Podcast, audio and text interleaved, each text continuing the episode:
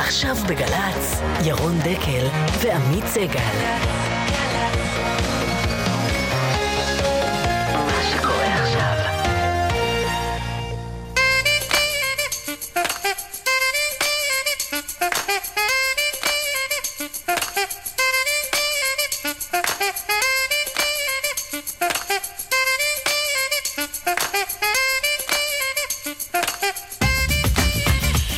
בוקר טוב, אה, כבודו. בוקר טוב, ירון. מה נשמע?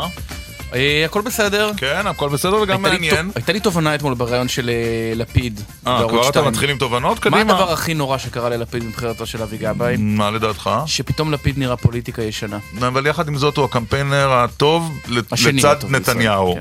בדיוק. כן. ואבי גבאי עוד לא, אמנם הייתה לו לא, לא, קמפיין נכון. טוב. יכול שזה ישתנה, אני אומר, כרגע זה הבעיה העיקרית שהוא ניצב. הוא מולה, הוא בכל נראה... מקרה, אין ספק שאבי גבאי יוסיף עניין לחיינו. נכון.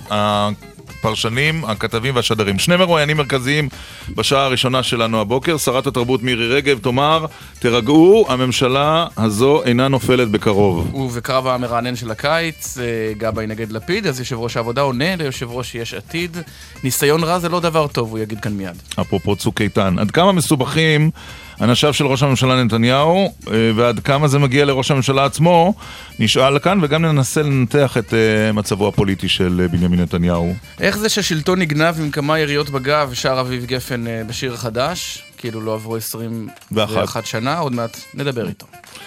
וגם הפינות הקבועות שלנו ברבע לעשר שיחה בהפתעה, ובאדם מן היישוב רבע לאחת עשרה, והיום דיילת, אבל לא דיילת שנוסעת ל...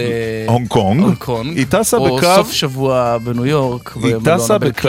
היא טסה בקו תל אביב אילת. זו עבודתה, והיא מבסוטה מאוד. אילת, ואילת תל אביב. ושוב ושוב ושוב, אנחנו נדבר איתה, אדם מן היישוב, הפינה שלנו ברבע לאחת עשרה, דקל סגל עד אחת עשרה, אילן אה, ליאור, ענבר טוויזר, גל ויצנר ונועם הירש. דקל. סגל.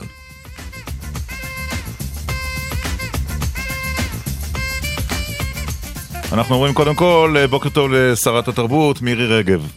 בוקר טוב ירון ועמית. את אה, קוראת את דוח מבקר המדינה, רואה את הכותרות, האם התחושה שלך ששלטון הליכוד בסכנה?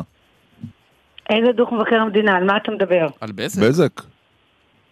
על בזק, אז תגיד בזק, יש כל כך הרבה דוחות מבקר המדינה, אתה יודע. יודעת מה, אני- אני- אני- לטובת מאזיננו- שצריך להתייחס אליהם. השרה רגב, את קוראת על כן. הצוללות, את קוראת על בזק, את רואה את מקורבי ראש הממשלה נכנסים ויוצאים מחדרי החקירות. את לא חוששת להמשך שלטון הליכוד? אני ממש לא חוששת. שלטון הליכוד הוא ממש לא בסכנה, הליכוד יהיה בשלטון וראש הממשלה יהיה בשלטון, אתם רואים איך הוא מככב בסקרים. הראוי והטוב ביותר להמשיך להיות ראש הממשלה שלנו, תכף נדבר עליו. אני אומרת לכם דבר מאוד פשוט, אני לא רוצה להיות חלק מאותה חגיגה ומאותה תופעה, שתוך כדי חקירת משטרה, התקשורת מזינה את הציבור בחצאי הדלפות, שהם מקבלים כמובן, כי אתם לא ממציאים אותם, נו. ובחצי פרטים.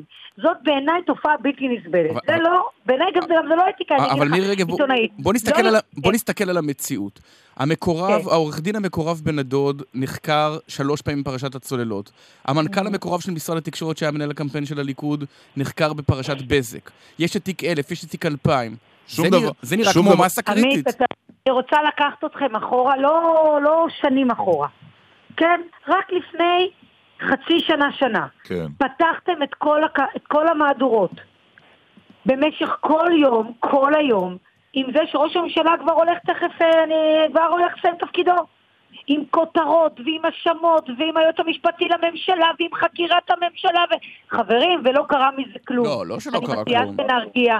לא, אני אומרת, תראו, אי אפשר, המציאות הזאת שנבחר ציבור אה, לא יכול להגן על עצמו, וכל הזמן תוך כדי אה, חקירה יש הצלפות, וכל הזמן מזינים בחצאי פרטים את הציבור, זה לא יכול להיות, אני לא רוצה להיות חלק מחקיקה, מחקיקה כזאת, זה לא אתי בעיניי, זה חוסר הגינות, אה, אנשים אה, מאשימים אותם בעשרות דברים ובסוף זה נגמר בחלקם בלא כלום כמו נאמן, יעקב נאמן ורפול. אני מציעה שנמתין בשקט לסיום החקירות.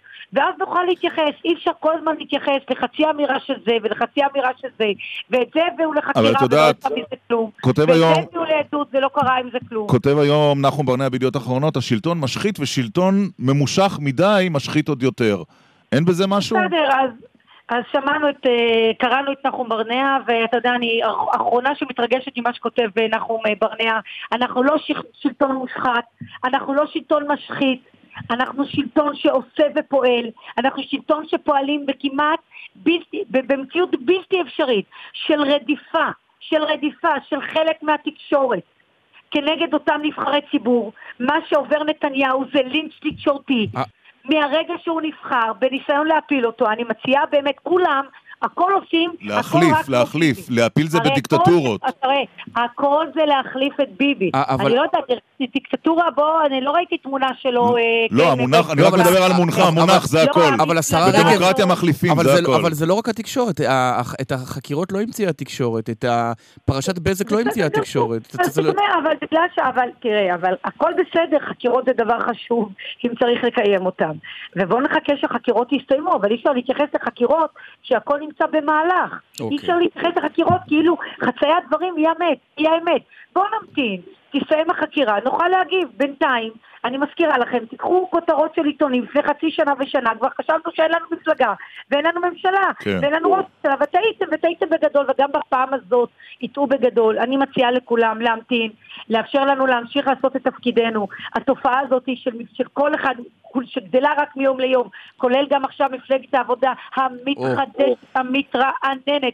רק לא ביבי, היא, אה, אה, כמו שאומר... חשבתי שתרצי מקרי, לברך את אה, לא אבי. גבאי, את- את רוצה, רגע, את- את-. מאוד רוצה שמזרחים הזאת יתקדמו של במדינת ישראל, והנה בחרה מפלגת אה. העבודה מועמד מזרחי לראשות מפלגת העבודה. קודם כל מצוין. אני, אני שמחה, אני לא, לא אומרת שייבחר מזרחי בגלל שהוא מזרחי, ייבחר מזרחי בגלל שהוא טוב. 50% מהאוכלוסייה הזאת היא מזרחים והם טובים והם ראויים להגיע לשלטון ולתפקידים נוספים. גם בפלייליסט של גלגלצ, גם... אגב, גם בליכוד, גם- אגב, גם בליכוד. גם, ב- א', גם בליכוד. איפה היו"ר המזרחי של הליכוד? בעזרת, בעזרת השם, תשמע, משום שאני לא יכולה לבחור את היו"ר, אני חלק מבוחרי היו"ר, כן. אה, אז אני מאמינה שגם זה יגיע, אבל כרגע יש לנו יו"ר מצוין, וכל הניסיונות רק לא ביבי לא יעזרו לאף אוקיי, אחד. אבי יש לנו גבאי. ראש ממשלה, שנייה שמתככב בסקרים, כולל אתמול, בפער עצום מכולם. אבי גבאי לא מאיים עליכם? אבי גבאי ממש לא מאיים עלינו. אבי גבאי זה רענון, תראה בואו נודה, מפלגת העבודה מחפשת איזושהי אה, יציבות. אה, אה, כל פעם יש לה איזושהי, יש לה איזשהו פתאום, אתה יודע, לשמאל יש כל פעם איזה משיח חדש. ועכשיו יש רענון, בהחלט גבאי הוא רענון, אבל בתכלס, בינינו, עמית, רק אתה ואני שומעים, הוא לא באמת חידוש. משום שאם אתה שומע ואתה שומע מה הוא אומר לגבי. הקשרים שלנו, מערכות היחסים אה, עם אבו מאזן, אז כן, תבין שהוא לא ממש... אבל אם הוא ימשוך מצביעים שמה מהמפלגה שנמצאת, אבל אם הוא ימשוך מצביעים מירי רגב מהמפלגה שנמצאת בקואליציה, מפלגתו של שר האוצר משה כחלון, אז יכול להיות שהבעיה גם תתגלגל לפתחכם. זה בסוף הסיפור. קודם כל, אני לא רואה כרגע שינויים בגוש. אני רואה כרגע שינויים של כמה מנדטים, זה נכון, אבל אני אומרת שוב, ואני חושבת שוב, וגם אם נחזור לאותם ימים ששתי מפלגות, ליכוד ומערך, מערך אמיתי, וליכוד כמו שהוא היום, גם אז אני לא חוששת. מדוע? משום שבסופו של דבר... כלומר, הוא לא משנה, לא משנה מי, ואת אומרת בעצם לא משנה אם זה הרצוג, זה פרץ, זה אראל מרגלית, זה אבי. גבאי, לא לא משנה בכלל. מש- נכון, אני אגיד לך למה. משום שאין להם שינוי בתפיסת העולם ובערכים שלהם. כל עוד השמאל, כולל גבאי, ימשיך לרצות מדינת דאעש ביהודה ושומרון, אותה מדינה שיכולה לאיים על כפר סבא, הוד השרון ותל אביב, אותה, אה, אותה מפלגה שמוכרת אשליות לציבור, לא יעזור לאף אחד כלום. כשהציבור הולך לקלפי הוא מתייח- מתייחס לשלושה דברים. אחד, מי מסוגל לנהל את המדינה מבחינה בינלאומית? הוכח שאין לו מחליף בנתניהו. מי יכול ברמה הלאומית לשמור על הגבולות של המדינה שלנו? בוודאי זה לא השמאל, שעדיין חושב שאבו מאזן הוא פרטנר, ומי בהיבט החברתי תורם למדינה, אז אנחנו רואים שיום יום, אני לא אכנס למה שאמרו ברמה האישית על גבאי אוקיי. במהלך, במהלך הבחירות, ובמהלך הפר... הפריימריז, גם פה הליכוד עושה בתחבורה, בהיבטים חברתיים, כל ממשלת הליכוד כן, אבל, עושים, אבל, כל יש גם עייפ, אבל, אבל. יש גם עייפות. מתישהו, אה, מירי רגב, מתישהו תצטרכו להפסיד. בחירות, כן, זה יקרה מתישהו. אין, תראה, אין ספק שיש יש עייפות. הייתה התרעננות, רצו את כחלון, רצו את לפיד, רצו את זה, והציבור היום רואה מה קורה. אבל את לא חושבת. שבדמוקרטיה, בדמוקרטיה שחילופי שלטון זה דבר בריא כתפיסה? בדמוקרטיה שילופי, אה, שילופי, אה, בדמוקרטיה לא חילופי שלטון זה דבר בריא. בדמוקרטיה רצון העם הוא הדבר הבריא. וכשהעם מבין שה, שהמפלגה היחידה שמביאה אותו לתוצר, הנכון, שזו מפלגה שמתמודדת נכון עם האתגרים, שיש מולנו. אוקיי. שיש לנו ראש ממשלה שפעם זה- אחר זה- זה- פעם זה מירי- מוכיח את מירי רגב- האחדות שלו מול כולם, אז זה אבל- מוכיח, אז מה לעשות? אני חייב להגיע ל... הדמוקרטיה, והדמוקרטיה כל פעם בוחרת מחדש את הליכוד ואת ראש הממשלה. אנחנו מתקרבים- וכך זה בעזרת השם, גם בקרוב. אנחנו מתקרבים בבחירות לס- יהיו, לא בקרוב. לא בעוד בקרוב. טעות פרוידיאנית. אנחנו לא. מתקרבים לסיום. אה, השבוע אמרת בכנסת את המשפט הבא, בשנה הבאה יכאב למוסדות התרבות בתל אביב ובגדול. למה? האם אי אפשר כן. לדאוג למוסדות אחרים בלי להכאיב? לא, אז תראו, אבל מה העניין? ש- שוב, אני לא מאשימה אתכם, זה ככה פועלת התקשורת. התקשורת לוקחת רק חלק מהדברים, לא לוקחת את כל מה שאמרתי. אני בוועדת הכספים אה, הצגתי ונתתי דין וחשבון לכנסת, כפי שעושה ממשלה, אחרי שנתיים אה, בתפקידי.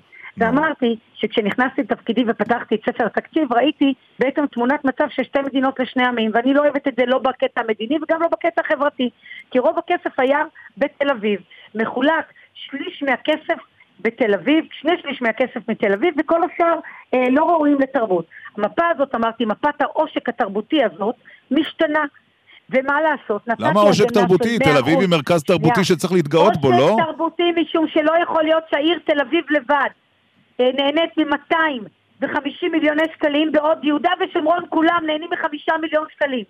זה לא יכול להיות משום שהעיר תל אביב לבד נהנית מ-250 מיליון שקלים, בעוד כל הנגב והדרום נהנים בקושי מ-50 מיליון או 80 מיליון שקלים. אבל- המצב הזה הוא בלתי אפשרי. מדינת ישראל כוללת גם את הנגב, גליל ויהודה ושומרון ירוד. תל אביב היא חשובה. עיר, עיר שכולנו רוצים ונהנים לבלות בה. אז- אבל, אז את אומרת שתהיה היא בה לא קצת-. שתהיה בה קצת תח- פחות תרבות? זה מה שאת אומרת? אז אני לא, לא תהיה בעוד קצת פחות תרבות. אני אומרת שלא יכול להיות מצב שבעיר תל אביב, בשלוש רחובות, רוטשילד, אבן גבירול ודיזינגוף, יש ארבעה תיאטראות. ואם יש ארבעה תיאטראות שלא מסוגלים להחזיק את עצמם, אז אין שום סיבה שאנחנו נמשיך לתמוך אוקיי. בתיאטראות, בעוד ביהודה ושומרון, מגזר ערבי, מגזר ערבי, אה, אה, אה, פריפריה, גליל ודרום, אין, אין תיאטרון ואין תרבות איכותית. התפקיד שלנו הוא לגרום לכך שיהיו יותר ויותר צורכי תרבות ויצרני תרבות בכל מדינת ישראל. גם אוקיי. בתל אביב, אבל בכל מדינת ישראל. ולכן, מן הסתם, ברגע שעשיתי את כל התיקונים שעשיתי, יהיה מצב, ויכול להיות מצב, שמוסדות תרבות בתל אביב משנה הבאה ייפגעו. שרת התרבות מירי רגב, תודה רבה לך על השיחה הזו. תודה רבה גם לכם, שיהיה לנו יום טוב ובשורות טובות. יש אה, כבר מצייצים בעקבות הדברים של השרה רגב, נכון? כן. האשטג דקל, דקל סגל במילה אחת למי שתוהה. אה, גולן, תשאלו את מירי רגב אם גם בתקופת ההתנתקות היא תמכה כל כך בהתיישבות. אה, אור ברקת כותב לדעתי, מירי רגב יכולה לבנות על קריירה באוניברסיטת טראמפ לכשתוחלף, פייק ניוז, היתממות והסתה למתקדמים. אה, מצד שני, גולן כותב חקירה של שבועות שנמשכת חצי שנה, מוכיחה שהמשטרה מחפשת סולם לרדת מהעץ שעליו היא טיפסה. ואלעד, אתם שומעים את מירי רגב, היא רגועה מדי, ככה נשמעת פאניקה. או, ניתוחים פסיכולוגיים. כן, של מאזיננו. כן. טוב, אתם מוזמנים לצייץ גם על השיחה הבאה עם היושב ראש הטרי של מפלגת העבודה, אבי גבאי. אה, בוקר טוב גם לך. בוקר טוב לכם, בוקר טוב למאזינים. כשאומרים אה, יושב ראש העבודה אתה כבר מסתובב ברחוב או עדיין לא? אני לא צריך, הם פונים אליי ואומרים, אנחנו ליכודניקים שנצביע לך. אז לזה אתה כבר כן מסתובב ברחוב. כן, כן. ראית אתמול את... אה. ראית אתמול את הופעתו של יושב ראש יש עתיד יאיר לפיד? כן, כן, ראיתי. אז לטובת מי ש... מי שהחמיץ, הנה קטע קצר לפיד על אבי גבאי אתמול אצל קרן מרציאנו בחדשות 2. אה, אבי גבאי, כן. שאני לא מכיר אותו, נראה לי בחור אכפתי. אבל הוא לא יודע איך נראה קבינט במלחמה, והוא לא יודע איך נראה אבל משק במשבר, והוא לא יודע איך? נכנסים... רק אבל שנייה. הוא יודע בניגוד אליך לחדד אבל- מסרים. אז אני אגיד לך מה המסר אחד, רק שנייה אחת. רגע, תן לי אני לחדד. הוא אומר למשל... קרן, תני לי לגמור כן. רגע את המשפט בבקשה. מה שהמדינה הזאת צריכה זה ידע ואכפתיות. ואני יודע ואכפת לי. זה מה שאנחנו צריכים. ולגבאי אין ידע ואכפתיות? אני אומר, עוד אין לו ידע, זה ייקח עוד כמה שנים, כמו שלי לקח כמה שנים, זה תהליך. אנחנו לא יכולים להכניס למקומות האלה אנשים שעוד לא יודעים. אני אומר שוב, הוא בחור שכנראה אכפת לו והוא ערכי, אבל לדעת איך קבינט במלחמה, לדעת איך, מה ההבדל בין חברה עסקית לבין משק, לנהל משק במשבר, לדעת איך נכנסים לחדר של שרי החוץ של האיחוד האירופי ומשנים להם החלטה, סליחה, לוקח בוא, זמן. בוא, אז נכון שאתם מתווכחים עכשיו, אה, מתעמתים על אותו מאגר קולות, אה, אבי גבאי, אבל בוא תתווכח עם הטיעון לגופו של אה, יאיר לפיד, חוסר ניסיונך. תראה, קודם כל זה באמת ממש אבל באמת מוזר שביום שמתפוצצת פרשיית הצוללות, העורך הדין של נתניהו שם בחקירות, המנכ"ל של משרד התקשורת שהוא איש הכי קרוב לנתניהו נמצא בחקירה ברשות ניירות ערך. ביום כזה יאיר לפיד מגיע לאולפן והדבר היחידי שהוא מוצא לעשות זה לתקוף את האופוזיציה. זה פשוט, אתה יודע, אני שואל את עצמי אם האנשים האלה רוצים להחליף את הממשלה או רוצים להמשיך להיות באופוזיציה. לא, הוא בא, הוא בא ודיבר על אה, הצוללות. אני, אני, כן, הוא בא כדי לדבר עליו על העניין האחר. בוא, בוא, אה, אתה יודע, עמית, בתקשורת אתה מבין יותר טוב ממני ואתה מבין בדיוק מה היה שם. תלוי איזה תקשורת, אה, תקשורת קווית או תקשורת אלקטרונית. כן. בדיוק. אבל תתווכח עם על הטיעון. אני- אני אתייחס לעניין גם, אני אתייחס גם לעניין. זה יאיר לפיד דיבר על זה שהוא היה בקבינט הביטחוני בתקופת צוק איתן. בוא, שנזכור שצוק איתן, לפחות לפי דוח המבקר, לא הייתה המלחמה הכי מוצלחת של מדינת ישראל. זה לא היה הקבינט של מלחמת ששת הימים, בסדר? אנחנו פרופורציות, כך שאני לא... קרוב, קרוב דבר אבל לא- לא עד הסוף, כן.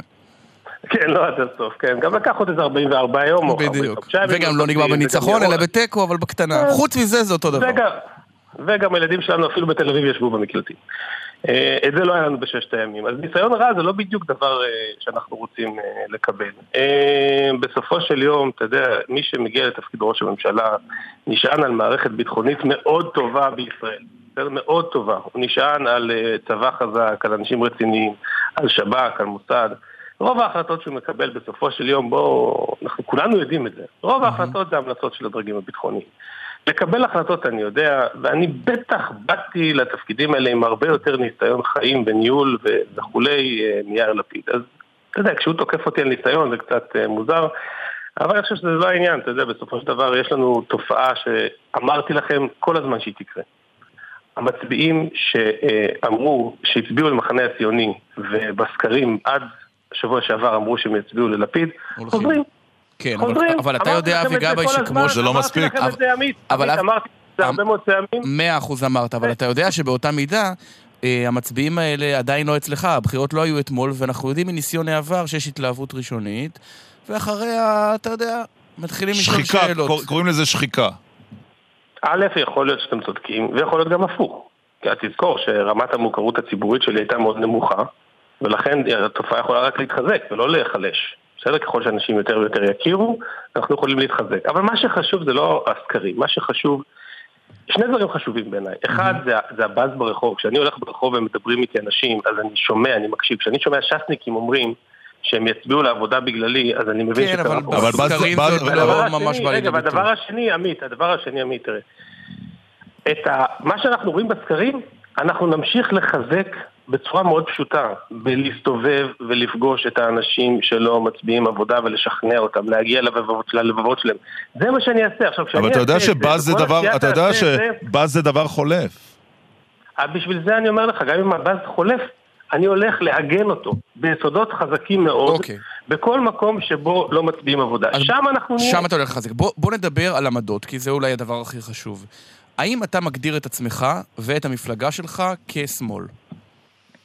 אני אה, לא אוהב את כל ההגדרות שנתניהו סידר לנו את התרגל שלו. אני, כשאתה שואל אותי מה העמדות שלי בנושאים כלכליים, חברתיים, ביטחוניים, מדיניים, דמוקרטיה, את תקשורת חופשית, כל הנושאים האלה, העמדות שלי נטועות בתוך השמאל, נקודה.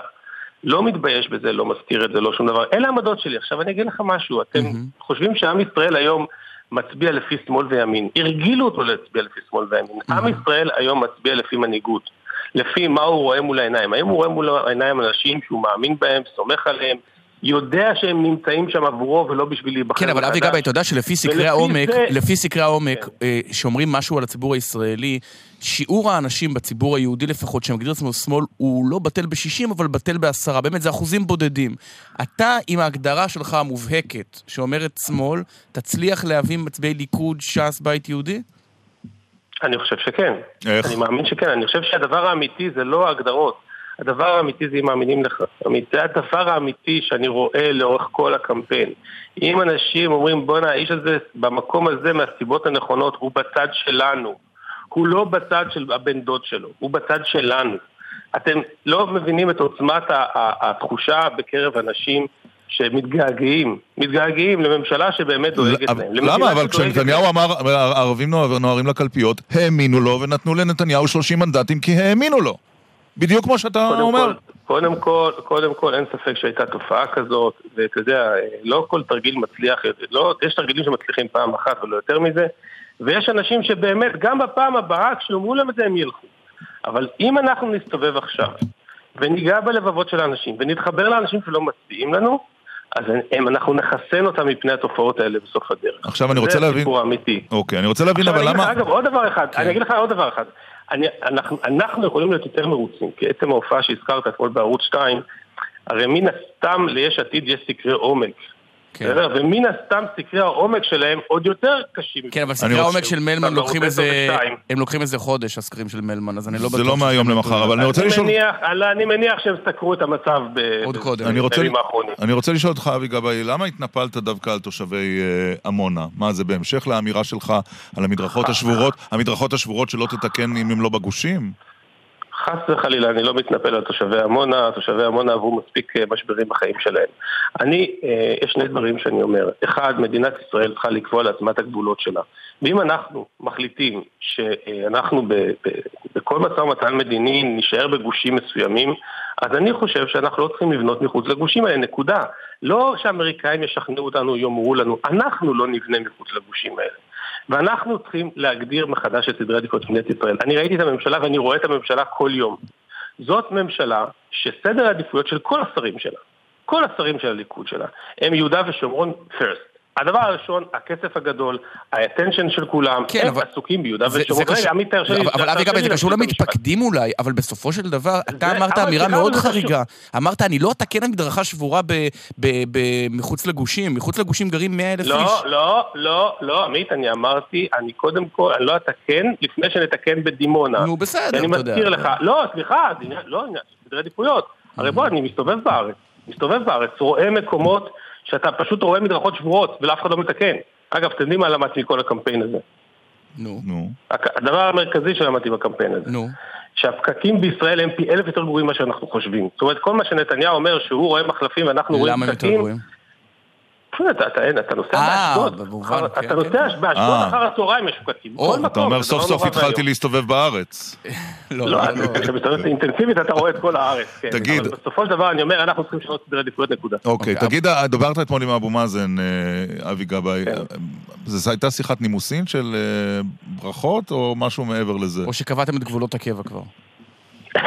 קודם כל, בואו פרופורציות, אני, אני לא אה, ממשלה, אנחנו אופוזיציה ולכן אנחנו לא עוסקים בשום דבר שהוא קשור במהות עצמה.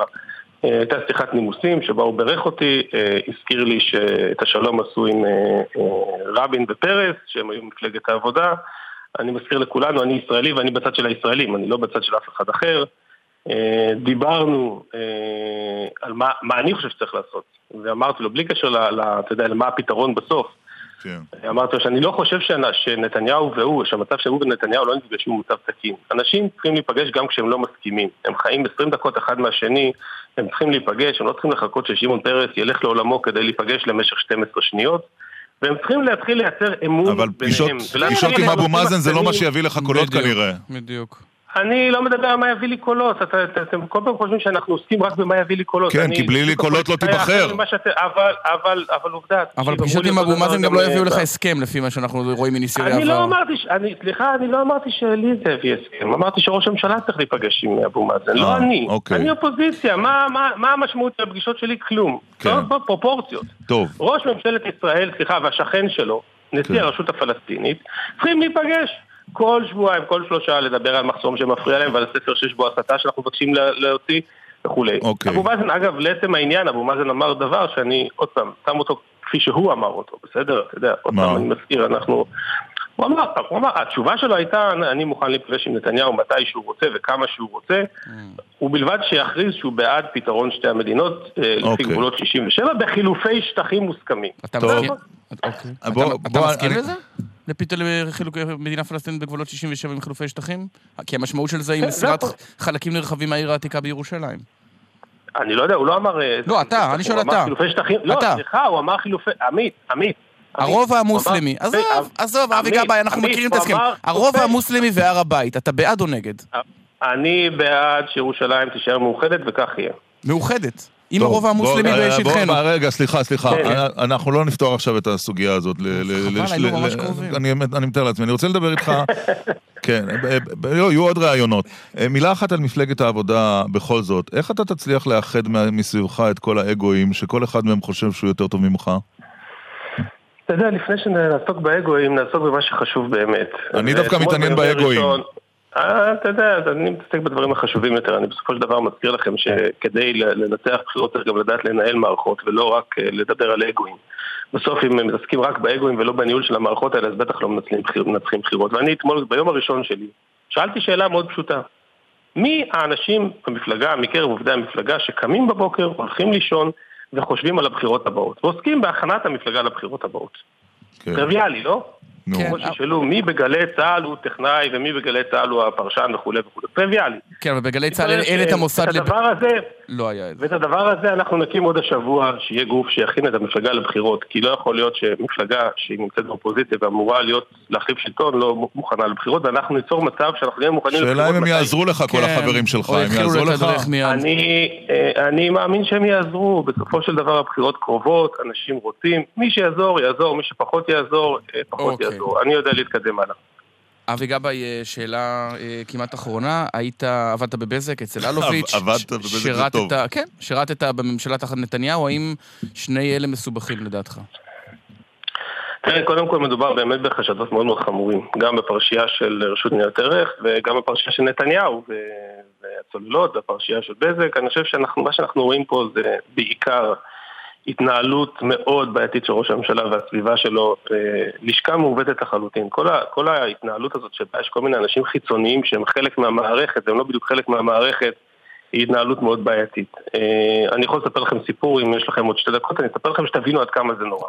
אוקיי. יש לכם שתי דקות? כן, אה, שתיים לא, אבל חצי דקה יש. כן. חצי דקה יש. אני, כשמוניתי כשר, אחרי חודש באו אליי, אמרו לי, תפתור לנו את בעיית קק"ל. הלכתי, עשיתי משא ומתן עם כל הגופים, הגעתי לפתרון סביב נושא קק"ל, והייתי צריך שראש הממשלה יאשר את העקרונות של ה- להסכם כדי שנוכל להתקדם. ולא הצלחתי לקבוע פגישה עם ראש הממשלה. שר בממשלה לא מצליח לקבוע פגישה עם ראש הממשלה, אין זמן, אין זמן, אין זמן, אין זמן. בסדר? פגישה של עשר דקות, זה כל מה שהייתי צריך, עשר דקות. אוקיי. ואז אומר לי יושב ראש קק"ל, אל תדאג, אנחנו נפעיל את, את האיש שלנו, והוא מפעיל את האיש שלהם שהוא מקורב לראש הממשלה, וקובעים לי פגישה למחרת אצל ראש הממשלה. בסדר? נו. למחרת. אז אם לא... עכשיו אתה אומר לעצמך, אם אני שר לא מסוגל לקבוע פגישה אצל ראש הממשלה, בנושא ענייני, והלוביסט של קק"ל, כן. שהוא מקורב לראש הממשלה, ואני יודע, אני לא אומר את השם שלו, אבל הוא מקורב מאוד, והוא הוא איש של ראש הממשלה, מסוגל לקבוע פגישה. אז משהו פה בעייתי. אתה מבין את ההתנהלות? אתה מבין את אוקיי. ההתנהלות, אתה מבין אבל- כמה היא חמורה. אבל אתה היית מנכ"ל בזק גם כשנתניהו היה בתפקידו כראש ממשלה, ואתה יכול בשיא לשפוך... החברות ביניהם. כן, אתה- עד כמה הם קרובים? אלוביץ' ונתניהו? היית שם. אני מזכיר לכם שאני הייתי, אני הייתי מנכ"ל כשהיה ראש הממשלה, לא כשנתניהו היה שר התקשורת. נכון, ש- נו, אה, נכון, מי שהיה- בסדר. מי שהיה, מי- סליחה, מי שהיה שר התקשורת זה משה כחלון בתקופה שאני הייתי. כן, כן, לא אבל. אתה היית. מנכ"ל בזק, יכולת אני לא לראות... יודע, אני, תקשיב, אני לא, אני לא ראיתי איזושהי קרבה מיוחדת, ואני, אבל אתה יודע, זה מסוג הדברים שאתה לא באמת רואה, אתה אוקיי. מנכ"ל, אתה מנכ"ל של חברה, אתה לא הבעלים של החברה, אתה לא חי את החיים שלו, אתה חיים כן. של החברה, אתה חי. מה, ש, מה שבאמת, ליבי באמת עם העובדים של בזק, אתה יודע, טכנאים שמסתובבים בשמש, ואנשים שעובדים מאוד מאוד קשה, שצריכים לקרוא את הכתבות האלה לחברה שלהם, ולהיות מוטרדים מהדברים כן. האלה, הלב שלי באמת איתם. אבי גבאי, אתה תסלח לנו שאנחנו, בניגוד לאחרים, לא שיגרנו לך זר פרחים, נכון? Hmm. אגב, זה היה טריק טוב כדי לגרום לי לדבר איתם. אה, כן. אגב, כחלון צלצל לברך אותך, או שגם את זה הוא לא פרחים, עשה? שלח פרחים. בוא נמשיך הלאה. סיימנו, למעשה. טוב. תודה רבה תודה לך. יושב ראש מפלגת העבודה, אבי. גבאי. דורון כותב, אבי, אם אתה לא מצליח לקבוע פגישה עם ראש הממשלה כשאתה שר, אולי כדי שלא תהיה ראש ממשלה. אוקיי, אוקיי. כן. אה, מירית כותבת, נראה שעמית סגל קצת מבוהל בריאיון עם אבי גבאי, אולי הוא מפחד מרוגל אלפר. יפה. מירית, מירית אה, מחודדת הבוקר. כן, כן. כן. אה, בניה כותב, אם אבי גבאי מסכים שהגושים יהיו בכל הסכם, אם הוא הולך לספח אותם, או רק להזניח מחוץ לגושים. Mm. טוב. אה, ראי, בליכוד יש זכיחות כמו למפא"י בזמנו, התנשאות על גבאי ולפיד עלולה להוביל לאובדן השלטון. ואבי שי כותב, הנונשלנטיות של אבי גבאי אל מול הצעקות של מירי רגב זה כל הסיפור. וציוץ אחר, אה, או נגיד אס.אם.אס עלום שם, אומר את הדבר הבא. כן. רגע, הנה. רק מפלגה מזוכיסטית כמו העבודה, שיש לה היום ביד 24 מנדטים, מתרגשת מסקר בראשות ליכודניק. אבל נותן לה 20 מנדטים, שזה ארבעה פחות. טוב, על הסקרים אנחנו נדבר בינינו בתחילת השעה הבאה, כן. כמה הם משמעותיים. אה, רמז בעיניי לא משמעותיים, אבל... באמת? כן. לא, משמעותיים לאווירה, אה, אה, בסדר, טוב, ולא- בוא- בוא נשאיר את זה אחרי עשר. יש עכשיו חסויות ותשדירים, ומיד כך? אחרי כן הצוללות ובזק, נעלה את שניהם על ראש שמחתנו.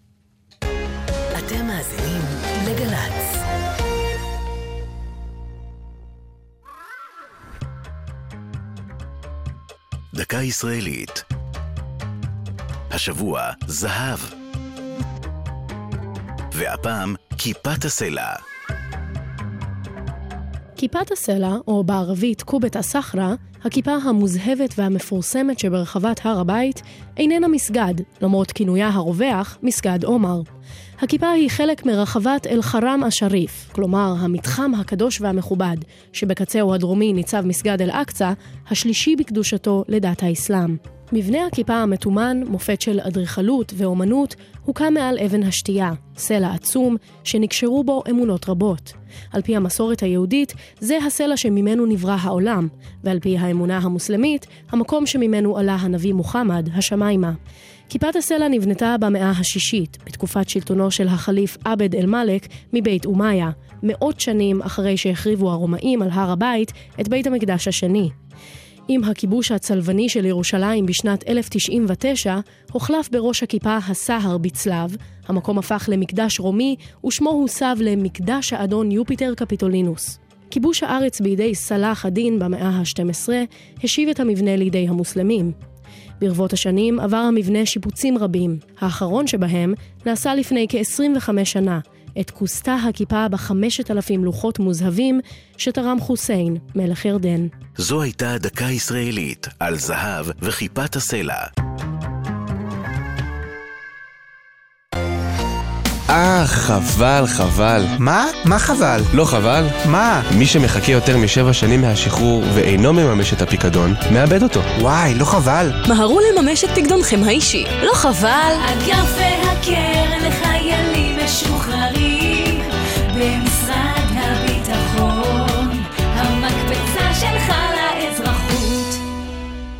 101, המספר המציל חיים. במקרה חירום רפואי, חייגו מיד 101 למוקד מגן דוד אדום. צוותי מד"א יוזנקו עליכם מיד, ובו בזמן החופשים והפרמדיקים במוקד ידריכו אתכם בביצוע פעולות מצילות חיים. מד"א, זה עניין של חיים. פסטיבל הקולנוע ירושלים. אתם מוזמנים לגלות את הסרטים החדשים מהארץ ומהעולם בהקרנות בכורה, לפגוש את היוצרים ואת השחקנים העומדים מאחוריהם, ולבקר ברחבי העיר בשלל פעילויות מעולם הקולנוע לכל המשפחה. פסטיבל הקולנוע הבינלאומי ירושלים, 13 עד 23 ביולי, כוכבי 9377, מוגש מטעם סינמטק ירושלים. שלום, כאן ליאור אליהו. אני מזמין אתכם ליורו בסקט, אליפות אירופה בכדורסל, פעם ראשונה בישראל. הנבחרות והשחקנים מאירופה נוחתים כאן בתל אביב.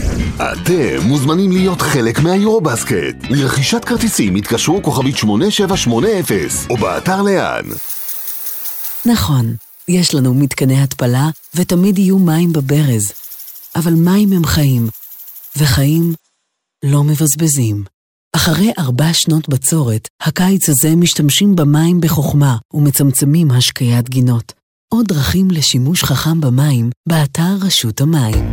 עכשיו בגל"צ, ירון דקל ועמית סגל. טוב, לאן זה הולך כל החקירות האלה? למה מה מצחיק אותך? אתה נראה לי מחוייך. בשעה הבאה לשיחה הפוליטית. אה, כבר אתה מתכונן, זה כן. טוב. אה, שניים איתנו עכשיו, אה, גיא פלג, חדשות 2, שלום. בוקר טוב. ברוך יקרא, חדשות 10, בוקר טוב. בוקר אור. הכותרות הן דרמטיות, אה, ברוכי, יש מאחורי הכותרות האלה גם אה, תוכן. החקירה הזו היא חקירה שתוביל גם, עשויה להוביל גם לכתבי אישום, או שזה בסופו של דבר עשן ואש עין? אתה מדבר על הצוללות מן הסתם. אתה יכול על מה- מה שבא לך. במה שאתה יכול מ-1000 להתחיל- עד 4000 כל מספר סודר. כן. כן, בימים האלה.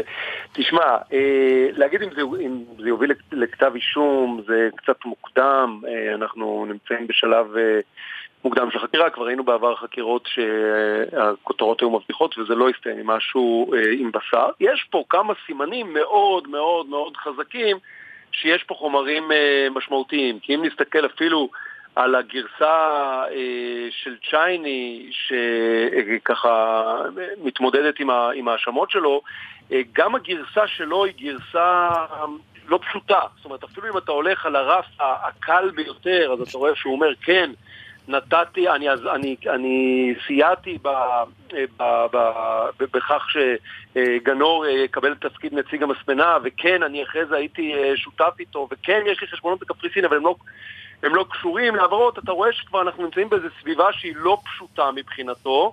יש שם כסף, השאלה היא כמובן, עכשיו תראה, אם הוא בסוף בא ונותן הסבר לכל גרוש שהגיע לחשבונות הללו, אז במצב כזה, כמובן שכביכול הוא יכול להוריד ממנו... אבל ברוכי, זה צ'ייני.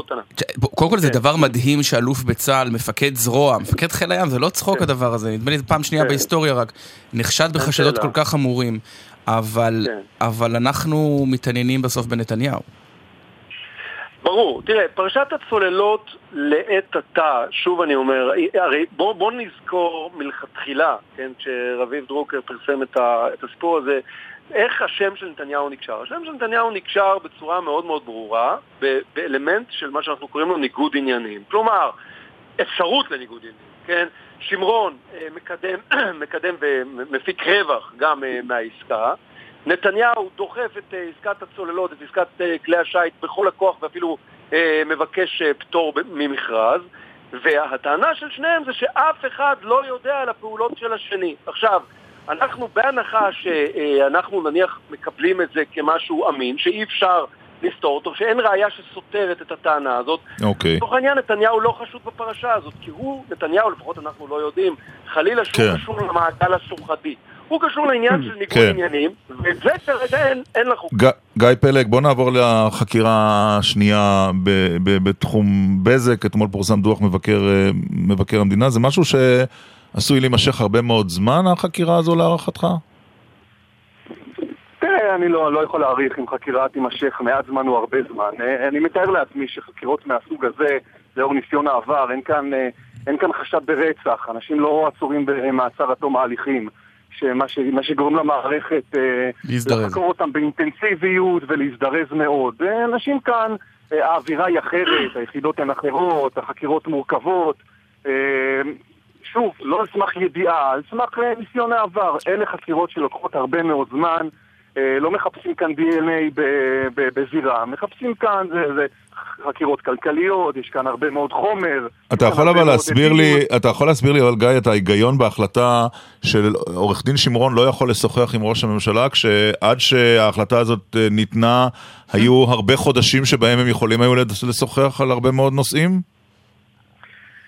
תראה, אני לא, לא, לא מסכים אה, לקביעה שלך. אני זוכר אה, אה, ראיון של אה, עמיתתי דנה וייס עם היועץ המשפטי לממשלה באיזשהו כנס, אני כבר לא יכול לזכור.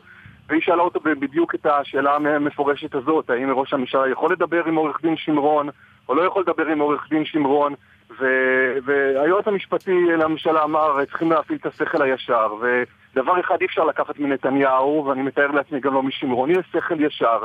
אני uh, מתאר לעצמי שגם לפני שהמשטרה הזהירה uh, את שמרון בצאתו מהחקירה שאסור לו לדבר עם ראש הממשלה, אני uh, משוכנע שהשניים האלה הבינו שמבחינת רשויות האכיפה השיחה ביניהם היא פסולה תכלית פסילה, ודאי ובוודאי בכל מה שקשור לנושאים שנחקרים או עשויים להיחקר. האם הם הקפידו על זה? האם הם לקחו את הסיכון? כן, מי יודע. אה, אין לי את העלות של ראש הממשלה. כן, יש את הטענה שהם לא דיברו חצי שנה, זה לפחות הגרסה הרשמית, אבל ברוכי, מדברים הרבה על הצבר של הפרשות, על העובדה שיש גם את 1,000, 2,000 ו-3,000 ועכשיו את זה, והצבר הזה בסופו של דבר יביא לנפילת נתניהו. כשיועץ משפטי יושב מול תיקי הראיות, הוא יושב תיק תיק ראייה ראייה, או שבסוף יש לו איזו תמונה שהוא אומר לעצמו, טוב, עד תראה, כאן." עד כאן. תראה, היועץ המשפטי, כמו שאתם אה, יודעים, הפרקטיקה היא פרקטיקה של אה, פרקליטות שעובדת על התיק, פרקליט מלווה שמלווה את החקירה, הוא מקבל, בשונה מחקירות אחרות, היועץ אה, מתעדכן בישיבות סטטוס. עד כמה הוא נכנס לכל ראייה וראייה זה נורא נורא תלוי באופיו של היועץ המשפטי. ויינשטיין לא היה נכנס לראיות במהלך התיק. מנדלבליט נכנס לטענת המשטרה, לפחות בחלק מהתיקים, יותר מדי, או אפילו אה, התערב בכמה פעולות חקירה, הם לא אהבו את זה. אה, אבל הוא טוען שהוא רצה לבוא ולהבחין בין עיקר וטפל ולא ללכת לסמטאות, כך. זאת טענתו, לסמטאות לא יצא מהם שום דבר. ולכן אה, אפשר להניח שהיועץ כן מעורב ויודע מה קורה. איך זה ישפיע בסופו של דבר על ההחלטות שלו? תשמע, זה מעולם הפסיכולוגיה. אתה יכול לבוא ולהגיד שבגלל שיש צבר, משהו בסוף יצטרך להחליט. אני, אני בסוף חושב, אתה יודע, זה לא כל כך משנה, בסוף יועץ משפטי לממשלה, כשהוא מקבל החלטה, לא משנה, נגיד יש השפעות פסיכולוגיות כאלה ואחרות, השפעות סביבתיות, הוא בסוף צריך לנמק אותה, גם החלטה של סגירה, קח כן. לדוגמה את תיק אלף, אתה צריך לנמק את זה רק תלף. ברגע שאתה מנמק לצורך העניין את תיק אלף, שהעובדות הן די ברורות. אני לא אומר שהכל, כל העובדות מוסכמות, אבל יש עובדות בסיסיות שהן ברורות. אני- אז אתה למעשה צריך, מאז ויצמן סרוסי, למשל עם אליקים רובינשטיין, אתה צריך ליצור נורמה. אתה למעשה, כן. זה לא סתם תפקיד אני- טכני, זה תפקיד של קביעת נורמה, וזה מה שמונח לפתחו. גיא פלג, אתה אה, שועל קרבות ותיק וסיקרת לא מעט חקירות של אה, ראשי ממשלה. אה, אהוד אולמרט וגם לפניו, זו אותה דינמיקה? כן, תראה, אני, אני שומע כל פעם את, ה, את הקביעות, אה, חלקן קביעות שיוצאות מלשכת היועץ המשפטי לממשלה או פרקליט המדינה, כן מגיע ל- לראש הממשלה, לא מגיע לראש הממשלה. שאלתי אתמול בעניין פילבר, אמרו לי זה עוד לא שם, אבל אני אומר לכם, תראו, יש את ניסיון העבר. יכול מאוד להיות, ואני באמת אה, לא חושד בכשרים, יכול להיות שראש הממשלה בנימין נתניהו צח כשלג, ולאף אחד מכל המקורבים שלו אין שום אינפורמציה שיכולה לקשור אותו לעניין פלילי. אה, זאת אפשרות שאתם צריכים לשים אותה על השולחן. אבל אני אומר לכם, ניסיון העבר מוכיח, אגב, לא רק בתיקים של שחיתות ציבורית, אלא גם בתיקים אחרים. בסופו של יום, לכל בן אדם יש מחיר. באיזה מובן? אני זוכר את האמירות, שולה בחיים לא תפתח על אולמרט, תסכים לשבת בשבילו בכלא. אבל כשהיא הבינה שהיא הולכת כן. לשש, שבע, שמונה שנים בכלא, לא, פתאום הש... השאלה היא לא, השאלה לא בא אם יש שולה, השאלה אם יש אולמרט שם, זאת השאלה, אם ביבי הוא אולמרט. בדיוק, אז אני אומר, תראו, ככל שראש הממשלה קשור במשהו, הוא בבעיה גדולה. מדוע? משום שהסביבה הקרובה שלו, שעל פניו נחזית כנאמנה מאוד מאוד אה, אה, אה, אליו, נמצאת בבעיה קשה. אני יכול להגיד לכם, אני לא יודע אם, יהיו כתבי אישום, אבל האינדיקציות שאני מקבל, כמו שהבנתי שגם ברוכי מקבל, שהתיקים האלה הם תיקים עם בשר. יותר מזה, אמרו לי בכירים ברשויות האכיפה, כשיהיה הפרוץ בתיק הצוללות, זה יהיה, כך אמרו לי, כשהתיק הזה יהיה כמעט... אבל את זה אמרו גם על תיק אלף, גיא, על תיק אלף וגם על תיק אלפיים. נכון, אבל תראו, אבל תיק אלף ותיק אלפיים לא ירדו מהשולחן, נכון. אני מזכיר אה, הם עוד לא. נסגרו לא בחוסר אשמה. לא דיווחת עליהם הם לא פשוט. לאחרונה, זה הכל. כן, לא, אני אגיד לכם יותר מזה, אני גם מזכיר לכולנו את כל האמירות המזלזלות של הברנז'ה, על מבקר המדינה, מה לא אמרו שהוא חלש, שהוא נרפה, שנתניהו מינה אותו אחרי כן. איזה ראיון, והנה אנחנו רואים שהוא כתב דברים מאוד מאוד חמורים אגב. כן. כשקוראים טוב את דוח המבקר מאתמול, אנחנו מבינים שמה, אני שאלתי, אם, אם יש אי אמירת אמת למבקר המדינה, למה המבקר לא העביר על פי סעיף 14ג ליועץ המשפטי לממשלה עם נו. ההערה חשד לפלילים, אז אמרו לי פה זה הפוך. זה לא שהמבקר גילה משהו והעביר אותו ליועץ המשפטי לממשלה. כאן אוקיי. תרשים הזרימה הוא הפוך. כן. היועץ המשפטי, הפרקליטות היא שהעבירה. לכן אני בא ואומר, רבותיי, מקורבי המקורבים של נתניהו בחדר חקירות, לכל אחד מהם תהיה הזדמנות, במרכאות, לקנות את חירותו. את נתניהו, בדיוק, תמורת חירות. לכלא. אה, כן. ואני לא, לא יודע מה האנשים האלה יספרו כשרגע האמת הזה יתקרב. ואני אומר שוב, ככל שלנתניהו יש אה, סודות שקשורים בטוהר מידות, הוא בבעיה עצומה. אוקיי. ואם הוא צדיק, אז אה, הוא יכול אוקיי. אה, ל- לשתות קפה בנחת הבוקר. אה, יש לנו שיחה בהפתעה, אז אנחנו מודים לשניכם, ברוך קרא, חדשות 10, גיא פלג, חדשות 2, היה תודה מעניין. תודה רבה. בוקר טוב. להתראות. עכשיו קצת אחרי רבע, בוקר טוב לך לך, שיחה בהפתעה. מי על הקו? שלום, בוקר טוב, בוקר טוב לך. מה נשמע? אחלה. אחלה? עד כדי כך. נהדר. איפה את? אני עכשיו בבית. בבית, לא בעבודה או אוקיי. אז את משהו. לא בעבודה של 8 עד 5. שחקנית? לא, משהו לא. בקול מוכר? לא, לא, בכלל לא. אוקיי, זמרת? לא. ממש לא. או, מה, אה, שירות ציבורי? על ידו. על ידו. על אקדמי? לא. זה ממש דומה, ממש מוכר. שירות ציבורי. אה, שידור? לא. לא שידור. תלכו לשירות ציבורי נבחר. שירות ציבורי נבחר. מנכ"לית? לא, זה ממש שירות ציבורי. ציר שירות ציבורי לא, נבחר. אני, אני אמרתי שאני על יד. המשרת הציבורי. המנכ"לית? את מנכ"לית כלשהי? אה, של הבית שלי, כן. אוקיי, ואת עושה את זה בהצלחה, אנחנו מקווים. אה, אחלה הצלחה, כן. השירות הציבורי. רשות מקומית? משהו? אה, אתם כל הזמן עסוקים בדבר הזה שהוא גם שירות ציבורי. שאני אתן לכם רמזים? רמז קטן, קטן, על יד השירות הציבורי. פוליטיקה, פוליטיקה זה גם שירות ציבורי. מכהנת? הפוליטיקה... את אשתו- את אשתו של פוליטיקאי בכיר? נכון. אוקיי. אה, הילד נו. גבאי זה יהיה ממש משונה אם זה עכשיו. למה לא? את הילד גבאי? לא. אוקיי. כי זה באמת יהיה מוזר קצת. רגע, גילת בנט? וואי, עמית, הייתי בטוחה שתצליח הרבה יותר מהר. שרה נתניהו, בוקר טוב לך. בוקר טוב. רגע. וואו. אה, מיכל הרצוג. נכון. אה, לא. בוקר טוב. מה נשמע? זהו, בסוף, זה לקח קצת זמן. שלום. כן. פעם פגשתי אותה, אמרתי לה, את הגברת הראשונה של האופוזיציה. אז האמת שזה עדיין נכון גם השבוע. היא ממשיכה, את ממשיכה בתפקידך. נכון. אה, האמת, קודם כל זה יפה שאת מתראיינת לאחר הפסד. אה, כן. ראינו, את לא נהגת להתראיין הרבה, ובשבועיים האחרונים יצאת למערכה, אבל גם אחרי הפסד זה יפה. קודם כל תספרי קצת איך ההרגשה בימים שאחרי. תראו, אמ, פוליטיקה זה עליות ומורדות. אנחנו ראינו וחווינו הרבה ממפלגתנו. אני חייבת להגיד שהבוקר קראתי, אני מאוד אוהבת כדורגל ואוהבת דימויים מעולם הכדורגל. מי הקבוצה שלך אגב? אוח, אל תשאל, אנחנו בשנה קשה.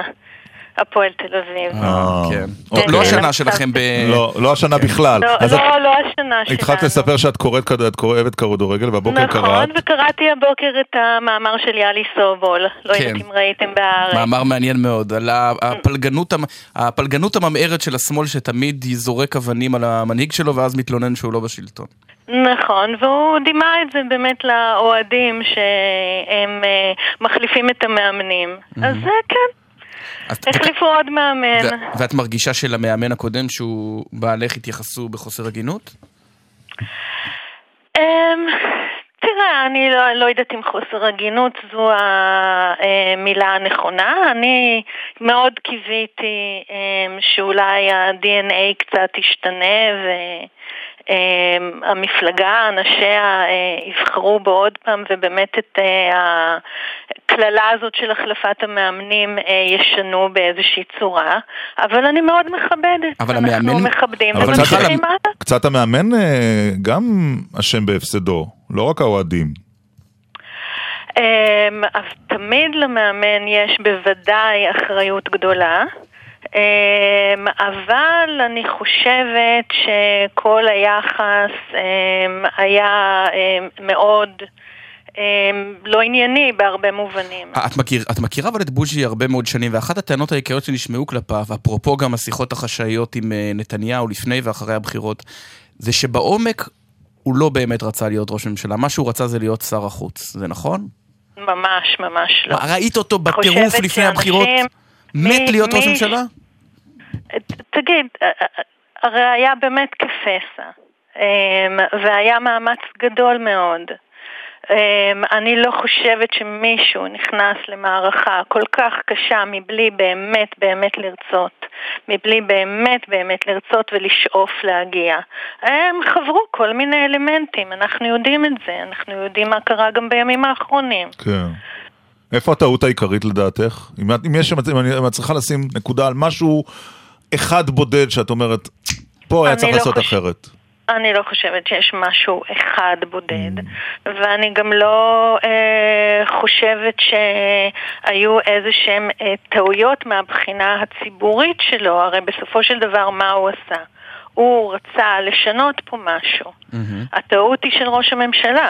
כן, אבל- הטעות אבל- היא של ראש הממשלה. אבל תסתכלי לדוגמה- אני גם חושבת, כן. אני, אני חושבת, תראו, חלק מהעניין של בחירות דמוקרטיות בתוך המפלגה, זה האמת ש... עם כל הצער שלנו עם התוצאה, אה, אבל אנחנו ממשיכים הלאה ונשארים נאמנה, נאמנים למפלגה וגם ליושב ראש. הנבחר? כלומר, הוא יוכל לעבוד איתו למרות שהוא היה שם קודם? כי זה מאוד מאוד מאוד לא קל. כל המפלגת העבודה הייתה פעם יו"ר, מה? פרץ, יחימוביץ', כן. הרצוג וגבאי עכשיו.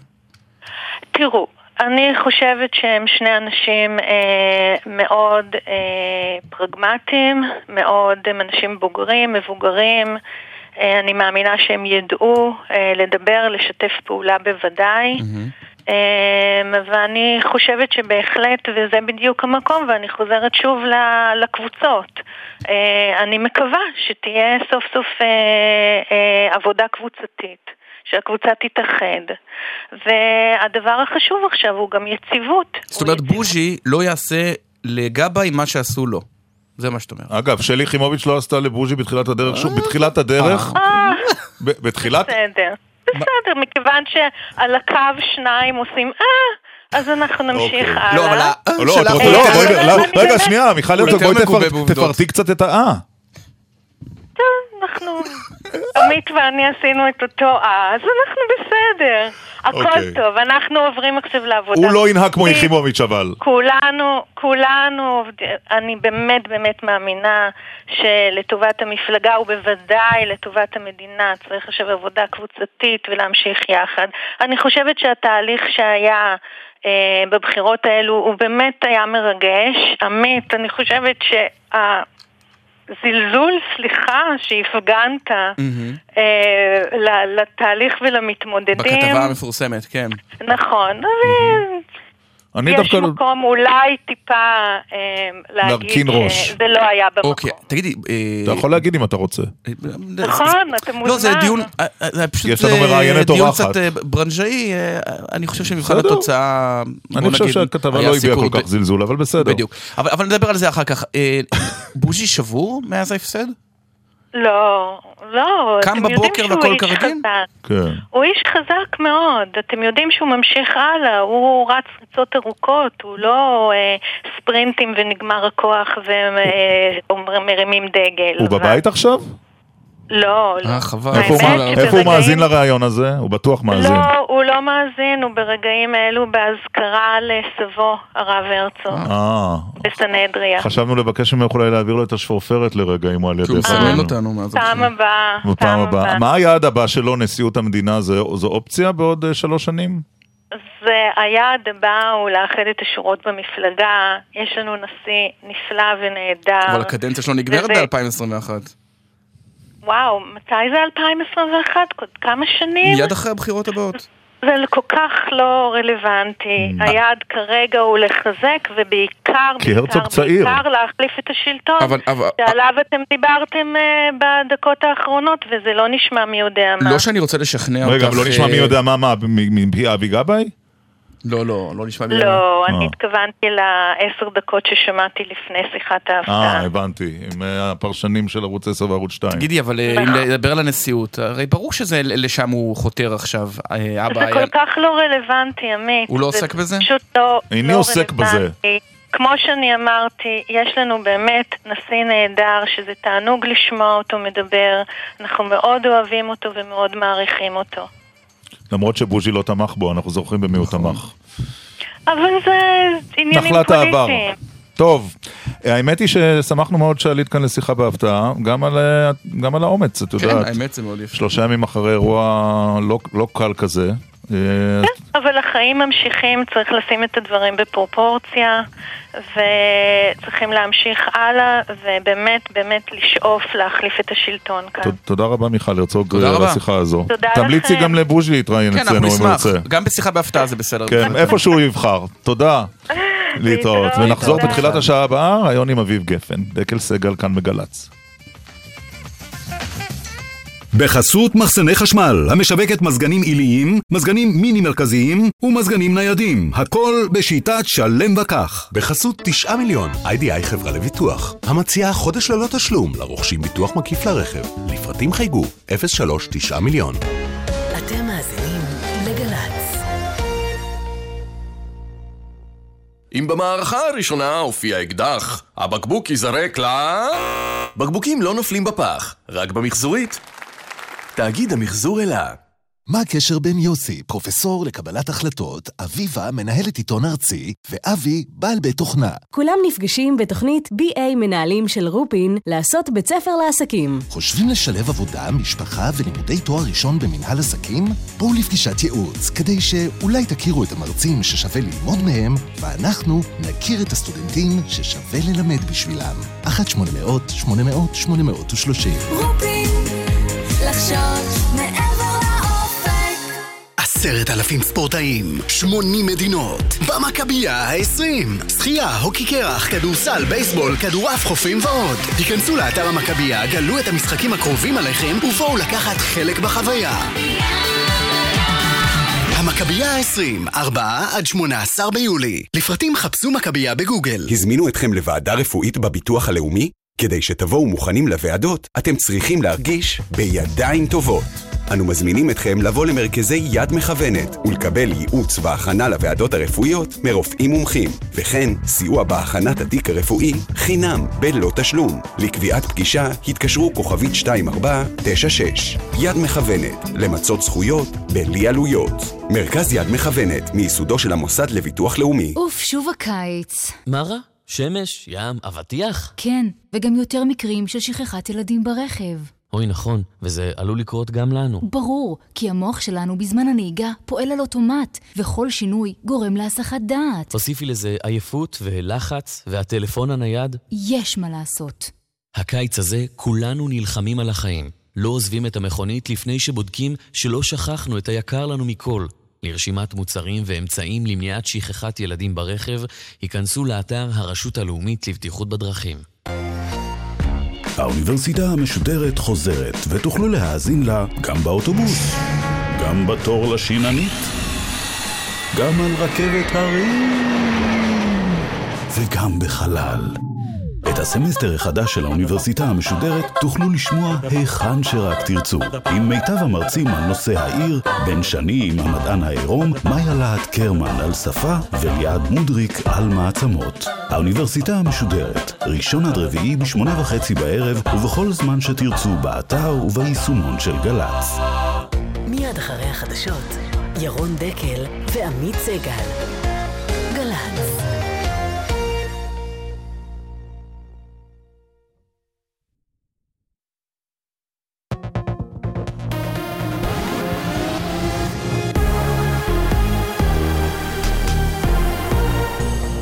גלי צה"ל השעה 10, כאן שיבל כרמי מנסור עם מה שקורה עכשיו. יושב ראש מפלגת העבודה אבי גבאי תוקף את יושב ראש יש עתיד יאיר לפיד שאמר אתמול בחדשות 2 שלגבאי אין את הניסיון הנדרש כדי להיות ראש ממשלה. גבאי דיבר בגל"צ בתוכניתם של ירון דקל ועמית סגל. יאיר לפיד דיבר על זה שהוא היה בקבינט אה, הביטחוני בתקופת צוק איתן. נזכור שצוק איתן, לפחות לפי דוח המבקר, לא הייתה המלחמה הכי מוצלחת של מדינת ישראל. אז ניסיון רע זה לא בדיוק דבר אה, שאנחנו רוצים אה, לקבל. בלעדי, פרקליטו של ראש הממשלה, עורך הדין עמית חדד, אומר על רקע החקירות בבזק ודוח מבקר המדינה החמור שפורסם אתמול, כי הקשר בין נתניהו לבעלי החברה שאול אלוביץ', הנתון בחקירה, אינו קרוב. אף אחד לא טוען שיש חברות קרובה בין אלוביץ' ובין ראש הממשלה. זו אפילו לא ידידות קרובה, ועל זה אין מחלוקת. כשמבקשים ממנו למלא טופס ניגוד עניינים, צריך לציין חברות קרובה. הם לא חברים קרובים. מדובר בשני אנשים שלא הולכים זה לשמחות של זה.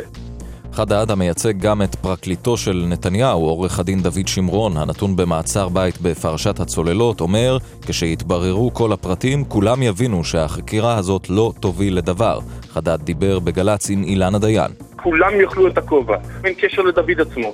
מדובר באיש ישר כסרגל. הוא נחקר בדבר שספק אם הוא קיים בכלל. זה באמת, זה אפילו לא ברחוב שבו התקשורת אה, חושבת שזה נמצא. כתבתנו הדס שטייף מוסיפה שאבריאל בר יוסף, שהיה המשנה לראש המטה לביטחון לאומי, ואיש העסקים מיקי גנור, שתיווך בין תאגיד טיסנקרופ, המתווך בעסקה, מובאים בשעה זו להארכת מעצר לבקשת המשטרה.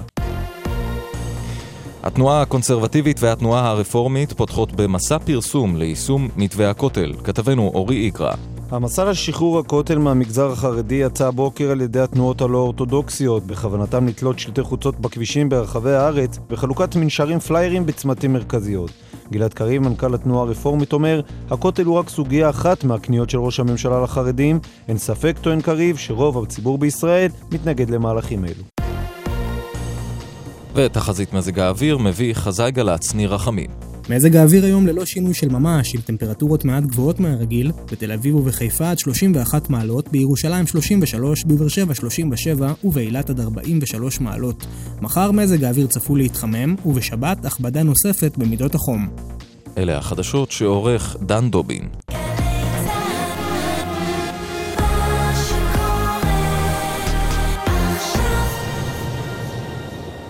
בחסות הונדה, המציגה את הונדה סיביק החדשה עם מנוע טורבו ליטר וחצי ו-182 כוחות סוס. הונדה סיביק, כוכבית 2099. בחסות AIG, המעניקה חודש חינם למצטרפים לביטוח המקיף לרכב, ברכישת ביטוח מקיף וחובה, לפרטים 1-800-400-400, כפוף לתנאי החברה. עכשיו בגל"צ, ירון דקל ועמית סגל.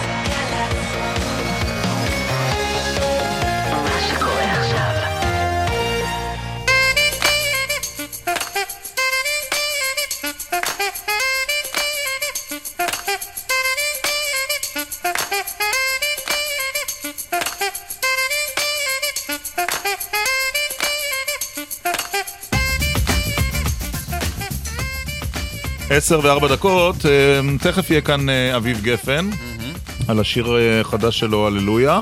זה לא שיר פוליטי, הוא יגיד כאן עוד מעט. טוב, אנחנו נשאל אותו, המילים מאוד פוליטיות. כן. אבל בואו נדבר לפני כן טיפ-טיפה על מצבו הפוליטי של ראש, הממשלה. אתה מזהה איזשהו סדקים בקואליציה שיכולים לגרום, או אצל נתניהו חשק ללכת לבחירות? תגיד, אם אתה נחקר בשלוש-ארבע פרשות ואתה בדרך לצעוד לשדה מוקשים, גם אם אף מוקש לא יתפוצץ, אבל אתה צועד בשדה מוקשים. זה הזמן הנכון אה, ללכת לבחירות? אני לא משוכנע. למרות שבפעם הקודמת הוא הפתיע את כולם. אז אה, להלן. להלן תשובתי. כן. כולם זוכרים שנתניהו הקדים את הבחירות והפתיע את כולם, נכון. אבל לא הרבה זוכרים ששלושה ימים אחרי שנתניהו פיטר את לבני ולפיד, כן. הוא פגש את איווט ליברמן לשש שעות של פגישה, שבמהלכה הוא ניסה לשכנע אותו בשבעה, ל... אה, ב- בשבעה משפחתית, להיכנס, להישאר בממשלה ולהקים ולא- ממשלת 61 עם החרדים, וליברמן סירב. ולא הרבה זוכרים שב-2000... אה, להכניס את החרדים לממשלה, כן, כן. ולא הרבה זוכרים שב-2012 נתניהו רצה להקדים את הבחירות, כי זה מצחיק, זה מאוד דומה. נבחר אה, יו"ר חדש לעבודה, במקרה הזה שלי יחימוביץ', ונתניהו רצה להקדים את אה, Mhm. המראתה, ואז נבהל ברגע האחרון וסגר ממשלה עם מופז. כן. זאת אומרת, התפיסה שהחשק ש- שנתניהו הוא- ממהר להקדים היא לא נכונה. שיש לו איזה חשק קמאי להקדמת בחירות לא נכונה. אז כן, עכשיו הרבה אופציה יותר אחרת- זהיר וחששן משזה אנחנו נראה. מדברים על, אה, כמובן, השאלה הגדולה, האם חקירות, אה, דוחות ופרשיות יכולים לקרב את אתה אה, חושב? קיצה של הממשלה? רגע, אני חושב, אני אגיד לך ככה, יש שתי דרכים להקדים בחירות. או, ש- אה, אחת, או שראש הממשלה יוזם הקדמת בחירות, והיו ראשי ממשלה, כולל נתניהו, שיזמו כן. הקדמת בחירות, גם שרון לפ- לפניו ועוד ראשי ממשלה, או שאחת השותפות פורשת ואומרת עד כאן. אני לא רואה לא את כחלון, לא את ליצמן, לא את אה, אביגדור, איווט ליברמן ולא את אריה דרעי, ממהרים כרגע נכון. לפרק את בטח החבילה. לא כחלון, הרי, הרי מה, מה אף הלך- אחד מהם, אני לא רואה איזה חשק אה? נסתר, גם לא רואה חשק נסתר. מה כחלון איבד השבוע? מנדטים בסקרים. כן, אבל מעבר לזה, נו. הוא איבד את הקואליציה החלופית. הרי מה האיום הכי גדול לנתניהו תמיד? קואליציה חלופית. עם בוז'י. עם מי הוא יקים אותה עכשיו? עם אבי גבאי שנוא נפשו? לא. הוא הוא מסוגל להיות, לשרת תחת אבי גבאי? גם נתניהו הפסיד השבוע את הקואליציה החלופית אגב. אה, כן, אבל היא לא באמת הייתה על הפרק. אה, מבחינת אה. הרצוג היא דווקא הייתה. נתניהו הרוויח לטווח הקצר את זה שהיריב הגדול של ראשות הממשלה נחלש ועסוק עכשיו בקרבות מבית. יאיר לפיד. כמו להבדיל, להבדיל, להבדיל, להבדיל ועוד פעם להבדיל, שהסורים אה, כבר על זה- הגדרות, אבל יש להם בינתיים מלחמת אזרחים בבית. להבדיל. נו, והדבר טוב. השני, והדבר לא השני... התחברתי להשוואה, לא, אוקיי, בסדר, אוקיי. והדבר השני ש... כן. שהוא מצד שני, זה שגבי באמת מועמד הרבה יותר אטרקטיבי מאשר הרצוג. אה, תלוי למי. לא, למצביעי ימין רך. אז אה, נוסף לו יריב לטווח הארוך, ונחלש לו יריב זה- לטווח זה הקצר. אומר שבעצם ההחלטה עוברת לאדם אחד. נו. אביחי מנדלבליט. או לנתניהו עצמו, אבל בוא לא לא, נשכח... את נתניהו אמרת שחשק אבל להקדים בחירות ההחלטה של אין לו. מנדלבליט היא בסוף, היא, היא בס, להערכתי בסוף השנה הבאה, בספטמבר 18. אה, לא, היינו היינו בינואר אבל ועברנו למרץ. אבל מה לעשות, החקירה לא נגמרת, מה עכשיו אנחנו? בספטמבר 18? זה כבר קרוב מזה- ל-19, שזה מועד הבחירות. ואל תשכח שממילא בעוד שבועיים שלושה יוצאים לפגרה, שבה אין הקדמת בחירות. שבועיים לדעתי, לא? סוף כן, יולי. סוף יולי, כן, שבועיים אה, וחצי. כן. ואנחנו... ואז חוזרים ואז אחרי חוזרים החגים. באוקטובר, אה, ואז בחירות. החגים, אני אגיד לך, הסוכות מסתיים ב-14 באוקטובר, זאת אומרת שהכנסת תתכנס בערך ב-20 ב-17 באוקטובר. 20 באוקטובר, נכון. זה, וואו. המון המון המון מה זמן. שנקרא אלוהים מאוד גדול. כן. ובפגרה לא קורה הרבה. נכון. טוב, אה, אז בוא נשמע את בקיצור- השיר עכשיו אה, של כן, השיר נשוא שיחתנו הבאה. הללויה. איך זה שהשלטון נגנב? מכמה יריות בגב? לקחו את הגפרור, כיבו את הנרות שלנו. מושחתים שמבטיחים פעם בארבע שנים ובשאר הזמן הם לא סופרים ולא סובלים אותנו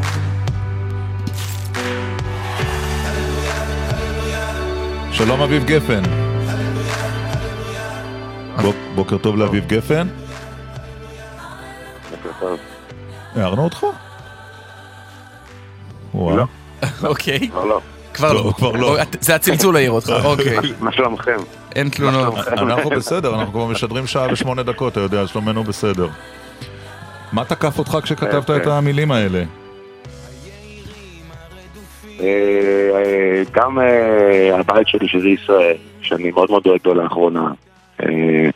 אני חושב שמצבנו מעולם לא היה כל כך רע בדרך החברתי. אני חושב שבאמת כבר השחיתות כבר כבר קצה כל הקיצים. וחשוב שאומן לפחות אחד ידבר על זה. אבל... לא להחביא את זה, לא להתנהג שהכל בסדר. מי שם את המילים אגב, איך זה ששלטון יגנב מכמה ירד בגב על שלט באיילון? אני. אה, זה קיצור, זה קידום המכירות. אתה שילמת על השלט? אני חשבתי שבעצם, אה, שבעצם אה, כל העניין שהטקסט הזה אה, הוא יהיה בעצם בלי לחן ובלי אביב גפן וכאלה, זה אפקט חלק מאוד.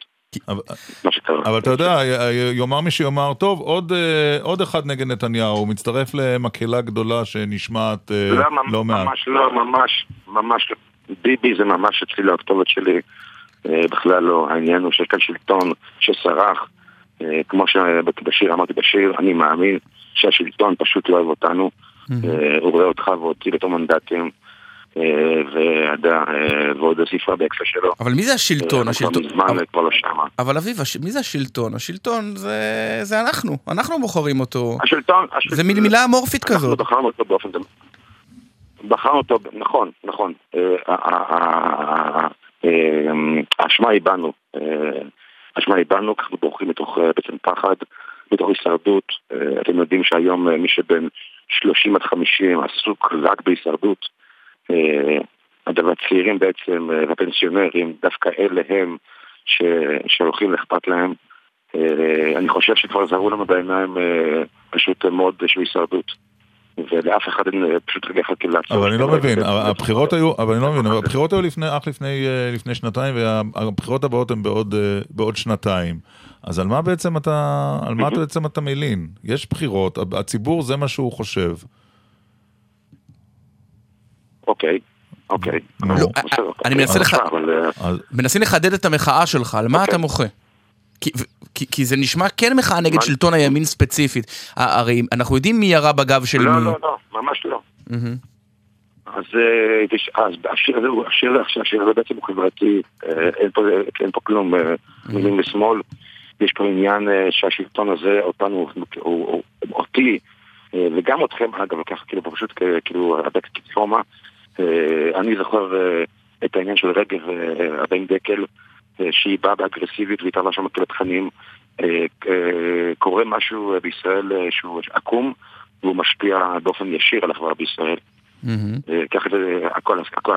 אבל איפה, אבל, אבל מדד האושר אנחנו מקום גבוה. צמצום פערים חברתיים לפי דוח ה-OECD. עמית, אוי. כן. לא, גם ב-OECD כן, יש צמצום פערים, האבטלה נמוכה. השדה מלא. השדה מלא. אוקיי. אה, איזה יופי. אז אוקיי, סבבה. אז בערך הכל טוב. לא, אולי תכתוב פעם, פעם תהיה אופטימי, אוקיי. תכתוב הורה. אני שמח. תגיד... תשמע, הפוך. כן. אני אדם אופטימי. אני אופטימי, אני אופטימי.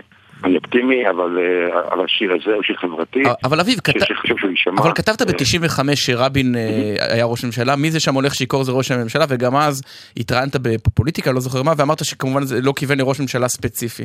אז למחות נגד השלטון זה מין משהו מה אתה כזה, רוצה להגיד? שזה מין משהו אמורפי, נראה שאתה...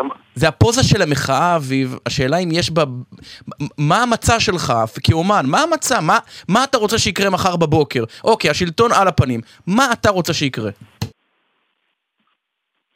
מה אני רוצה שיקרה? שלישראל יהיה מנהיג אמיתי וחדש, ומנהיג אה, ש- ש- שייתן תקווה לישראל, ול- ולא אה, עוד תיקים ועוד תיקים שחיתויות. אני חושב שמגיע לנו כעם. אני חושב ש- שכעם, אה, באמת השלטון הנוכחי הזה, הוא לא סופר אותנו. אה, אני, אתה לא יכול להגיד את זה, עמית, כי אתה עד ערוץ 2 ואתה אתה, אתה כנקי, אבל, אבל, אבל אה, אני כאומן, אין שום מחויבות. גם אתה בערוץ אה, 2, לא. חששת, לא חששת שזה עשוי, אה, לא, לא. עלול לפגוע לך בקריירה? וג- וגם בערוץ 2 בדיבורס, אם אתה אומר את זה בדיבורס, הלכתי ואמרתי, כן, אני אומר את זה כל הזמן. לא, אבל טקסט כזה, מהססים לפני שכותבים טקסט כזה? מה זה יעשה לי? ממש לא, בכלל- לא. מה שמפחיד ששדרנים אה, אומרים פעמיים אה, האם זה שודר או לא. וזה אומר שהוא שזה ניצח. אם- כי אם חושבים פעמיים האם לשדר טקסט דמוקרטי, אמיתי, לא דיבתי, שאומר מה שלפחות חצי מהעם הזה, אז אם זה פעמיים ומחשבה סיבה שהם ניצחו. לא, אבל אביב, אין... איפה, אגב, איפה היה היסוס אם לשדר, לא- איפה- לא- איפה היה היסוס אם לשדר את השיר הזה או לא? אתה שואל כמפקד או כ... אני שואל את אביב. מראיין. אה, כמראיין. אה, כמראיין, אה, יש הרבה שדרנים, הרבה שדרנים שדיברו איתי. כן? שידרו את השיר, אה, אתמול לא היה ב top five של ההשמעות, אבל כן, דיברו איתי ואמרו, אה, כן, שהם חשבו. גם ב- גם ב- גם בגל"צ? גם שדרנים מגל"צ? אני לא, אני לא אתערב בגלגלצ, אה, אתה יודע, אה, ממש לא, אני לא אכנס לזה. כן, תגיד. אבל השיר כרגע לא בתוכו, בפלייליסטים, זו השאלה. הוא לא בפלייליסט. אה, הוא הבא. לא הוא לא הושמע בגלגלצ בכלל? לא. תגיד, אה, אביב, לא, יש שינוי מאוד דרמטי ב- בקהל שמגיע להופעות שלך. אתה יודע, בשנות ה-90 היית, אה, איך נגיד את זה, כמעט אה, הדגל אדום או שחור על ההופעות שלך בהתנחלויות ואנשי ימין. ונהיית... ממש, לא, ממש. רגע, רגע, שנייה. ונהיית בשנים האחרונות, באמת רואים קהל- קהלים מאוד מאוד מגוונים. כשאתה כותב אה, היערים הרודפים אלוהים לרדופים, אלוהים לעניים, אומה שלמה של פחדנים מעריצים מפורסמים, אנחנו רק ריצוד של אור בחלון המשוריין של איזה טמבל, אה, אתה לא כן. חושש לאבד את הקהל הזה? ממש לא, אה, אפילו הפוך. אני חושב שאני- ש- ש- שהקהל שלי היום אה, הוא שמה אה, בגלל שהוא יודע שמולו עומד מישהו שהוא כן, ולא ולא מישהו שהוא ככה נפן אותי כאן. שירי פופ, אה, אהדה ואהבה, אה, זה נורא קל וזה שונה וזה נעים ברדיו, שאלה מה הרדיו בסוף היום אומר. והרדיו חייב, לה, חייב להוביל גם אג'נדה מסוימת, ולא רק להתנחם בשירי פופ עד המתוקים. בעיניי לפחות. זה כלי חזק מאוד. כמוכם שם. ומה מה אתה רוצה, ש- מה אתה בעיני רוחך רואה את האפקט של ה- של השיר הזה? שמה, מי ששומע אותו, מה, מה, אה, הש- לאן זה יניע השיר- אותו? השיר הזה. השיר הזה כבר נורא השפיע, אני מקבל אין ספור טלפונים, גם מימין וגם משמאל, מאנשים אה, שאני, אתה יודע, כאילו בלי... אה, כן, שאומרים לי, אביב, תשמע, כל הכבוד לך סוף סוף. גם מימין. זה כבר לא שמאל ימין. כי אנשים כבר קצו מכל השחיתות בשלטון, אה, כל התיקים והצוללות ואדם המבליט. אה, ומרגישים שבעצם הכל בעצם היסוד שלו מושחת. אולי זה גם בסוף גם יהיה בסדר וכשר, אתה יודע. אבל הריח שעולה הוא ריח לא טוב, הוא ריח חריף, ואני כמובן חייב להגיב על זה. השתעשעת פעם ברעיון ללכת בעצמך לפוליטיקה? אה, כן, צחקתי. השתעשעת באמת. אני מבקש. לא, לא, לא, לא, לא, לא, לא, לא, לא, לא. אני מעדיף מוזיקה ובמה, שזה כוח, אה, אתה יודע, היסטרי. אה, אבל כשר עוד חודש, אני הולך לשם ואני שר שירים, ואני גם אומר, זה גם הביטן, נשפי רוק. אה, זה יהיה, זה יהיה, אה. אתה- אתה- אתה- אחר כך, אתה תדבר על השיר הזה בקיסריה או פשוט אתה תשאיר אותו? כמובן, לא, לא, לא, לא, ממש לא. אני, ארחיב ואני אדבר עליו, כי זה, אתה, אתה, אתה, אתה, כי זה חשוב. זה חשוב. אני חושב העולם, המצב שלנו לא היה כל כך רע. אה, אתה יודע, מהנכים אה, והחולי סרטן והזקנים. לא היו- לא זקנים נכים וחולי. סרטן לפני 20 שנה? היו, אבל אני חושב באמת, אבל אה, בכנות, שמנחם בגין אהב את העם שלו. אבל, אבל אביב, מנחם בגין, כשהוא היה בשלטון, מה, אמרו עליו מילים עוד יותר גרועות מנתניהו. כולם, אני תמיד אנחנו יודע, מתגעגעים לראש הממשלה האחרון שלו, אני הצבענו לו בתנאי שהוא כבר אני מת. יודע את זה, עמית. אני- אני, יודע דברים שאתה לא יודע, אגב. מה, באמת? ויש אנשים בשלטון שלך, כן, שנבחרו, שלא סופרים אותנו, שלא אכפת להם מאיתנו. הם רוצים מנדטים ומספרים. ואני מודע שאתה וירון שם באולפן, ולכם אסור להביע דעה. או מותר. מותר, זה מותר לנו להביע דעה על מה שאנחנו מותר, רוצים. פשוט, אה. אתה מתאר תיאור שהוא, אתה יודע, אנשים רוצים מנדטים, ולא כולם מחוברים לעם, זה- תיאור קיומי כבר אלפיים שנה של הפוליטיקה. יש לך... כן, אבל מעל ירון יש את ליברמן, ומעליך. את אבי וייס, ועליי, מעליי, ומעליי יש רק מוזיקה, גיטרה ועט. אהה. לכן אני, זו זכותי וזה החופש שלי להביע דעתי, ובעיניי, מהעם, גם משמאל וגם מימין, הרבה אנשים עם השיר הזה מתחברים אליו, מתחברים אליו. אוקיי. אביב גפן. זה- אתה יודע. כן. טוב. תודה רבה. תודה רבה לך. אה, אביב גפן. תודה. תודה רבה לכם. כן, להתראות. להתראות. טוב, במקום השיר שמענו את ה... כן? על רקע הצלילים האלה. יש לנו. תקלה פה בשידור. אה, אני רואה שיש תקלה, אוקיי. כן, גם אנחנו שומעים את התקלה הזו. אה, אז אה, הם לא שומעים אצלנו שידור. זה מחווה ל... אה, אוקיי. טוב, מה נעשה? ירון, אני חושב שמפקד גל"צ צריך להתערב. תוריד להם פקודה. כן. לא, זה כן. לא עוזר, המחלקה הטכנית מה שקרה זה כאן. שהפיידר של הקונסולה הוא... כל הקונסולה לפי. טעתי לא איתנו. אני מבין. ולכן תכף יכול להיות שיגידו לנו. לעבור ש... לאול... או, או, זה שינוי. בוא נשמע כמה צלילים, בבקשה. אוי אוי אוי אוי אוי. לא, לא, זה ממש... אין מילים בפי. אתה רוצה שנעביר אולי ל... לא, פשוט אה, הם לא שומעים אותנו והם לא... אה, אנחנו... טוב. זהו, לנו את השלטון. אביב- היה מחיר לראיין היה את לנו אביב דווקא רעיון גפן. מעניין עכשיו, אבל הוא הלך... גם המוזיקה אנחנו לא יכולים להשמיע, אנחנו לא יכולים לעשות כלום. אוי, זה ממש אה, נורא. כן. רוצים להעביר את המאזינים?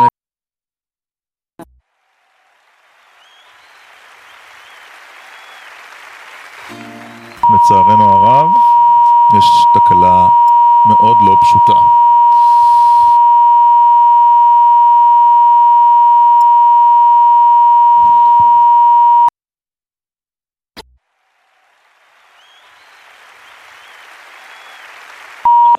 טוב, הנה, עכשיו נפסק.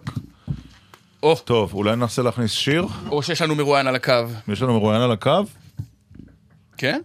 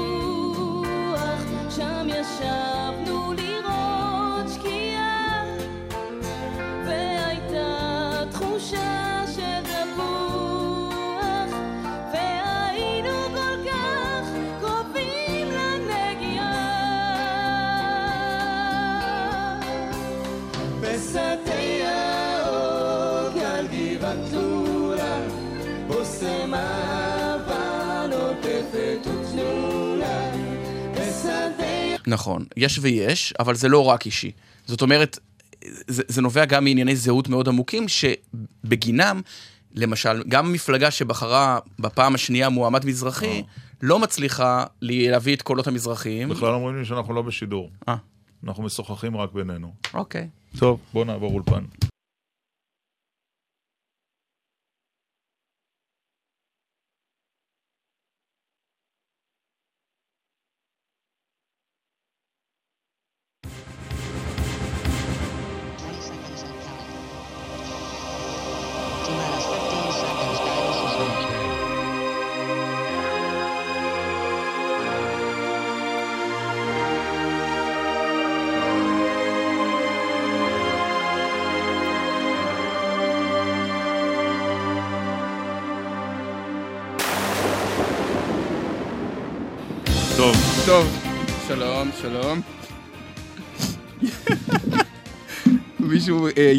כותבת, ירון דקל רק אמר לאביב גפן אנחנו יכולים להביע דעות ומיד קרס האולפן. כן. אז מי סגר את המיקרופון? מי סגר? את הקונסולה? הדברים של אביב גפן. אוי אוי אוי, טוב. אה, רועי- אה, רועי כותב, זאת מחווה יפה לניתוק שמשדר אביב גפן. אה, ניתוק באולפן. כן. טוב. אפילו קו הטלפון... אה. יש לנו מרואיין. אני מקווה שהוא לא קרס. אנחנו מקווים שהוא החזיק מעמד עם כל הצפצופים שהיו ושוב התנצלותנו. שלום. חבר הכנסת איתן כבל. שלום שלום, בוקר טוב לכם, וזה יהיה ליל עריפת ראשים. כאילו, אה, של מי היית מציע לערוף? יש לך רעיונות? זה- זה היה מעניין. אה. הצפצופים האלה, בסדר, אבל שיהיה, אוקיי. טוב, טוב, דיברנו איתך בשבוע שעבר. אה, כן, אנחנו... נכון. אחרי ש... או לפני שהחלטת במי לתמוך. כן. ובין לבין בחרת באבי גבאי וראינו אותך ב... ב... בערב בחירתו שם חוגג עם שאר חברי הכנסת. נכון, אה, נכון, בסוף החלטתי להצביע לאבי גבאי, ואכן ראיתם אותי אה, חוגג את הניצחון של אבי גבאי אה, ביום שני בערב, אכן כך. ספר לנו מה היה מאחורי הקלעים. תראה, בוא, בוא נגיד את זה כך. אני ביום חמישי אספתי את אה, אה, קבוצה של חברים שלי להתייעצות, קבוצה די גדולה. אה, הבעתי בפניהם את דעתי, אמרתי להם שנטיית ליבי היא לתמוך באבי גבאי, כי אנחנו הפעם צריכים לעשות את מה שנכון יותר מתמיד. אה, עם כל הקשיים ועם כל הבעיות, גם תוך התעלמות מהעובדה שיכול ו... אה, פרץ ינצח, והייתה אפשרות מאוד מאוד משמעותית כן. שעמיר פרץ אה, ינצח. אבל איתן, כמה קולות אתה, כמה קולות אתה שווה? זאת אומרת, הפער היה 1,300 קולות. כמה אתה חושב שאתה העברת בהחלטה שלך עם לתמוך בגבאי ולא בפרץ? אני יכול לומר לך באופן חד משמעי שהפעולות שעשינו אה, מנעו הצבעה מסיבית עבורו ב, אה, במגזר הערבי והדרוזי. אני יכול לומר לך שהחבורה שלי, ברגע שנתתי את האוקיי ואת התמיכה המשותפת שלנו באבי גבאי, אה, הרבה מאוד, מאות חברים אה, שאו לא היו מגיעים להצביע, או אולי היו מצביעים לאמיר, שתמכו ביצחק הרצוג בסיבוב הראשון, אה, באו והצטרפו ובמידה רבה. הרי מה היה חסר כאן?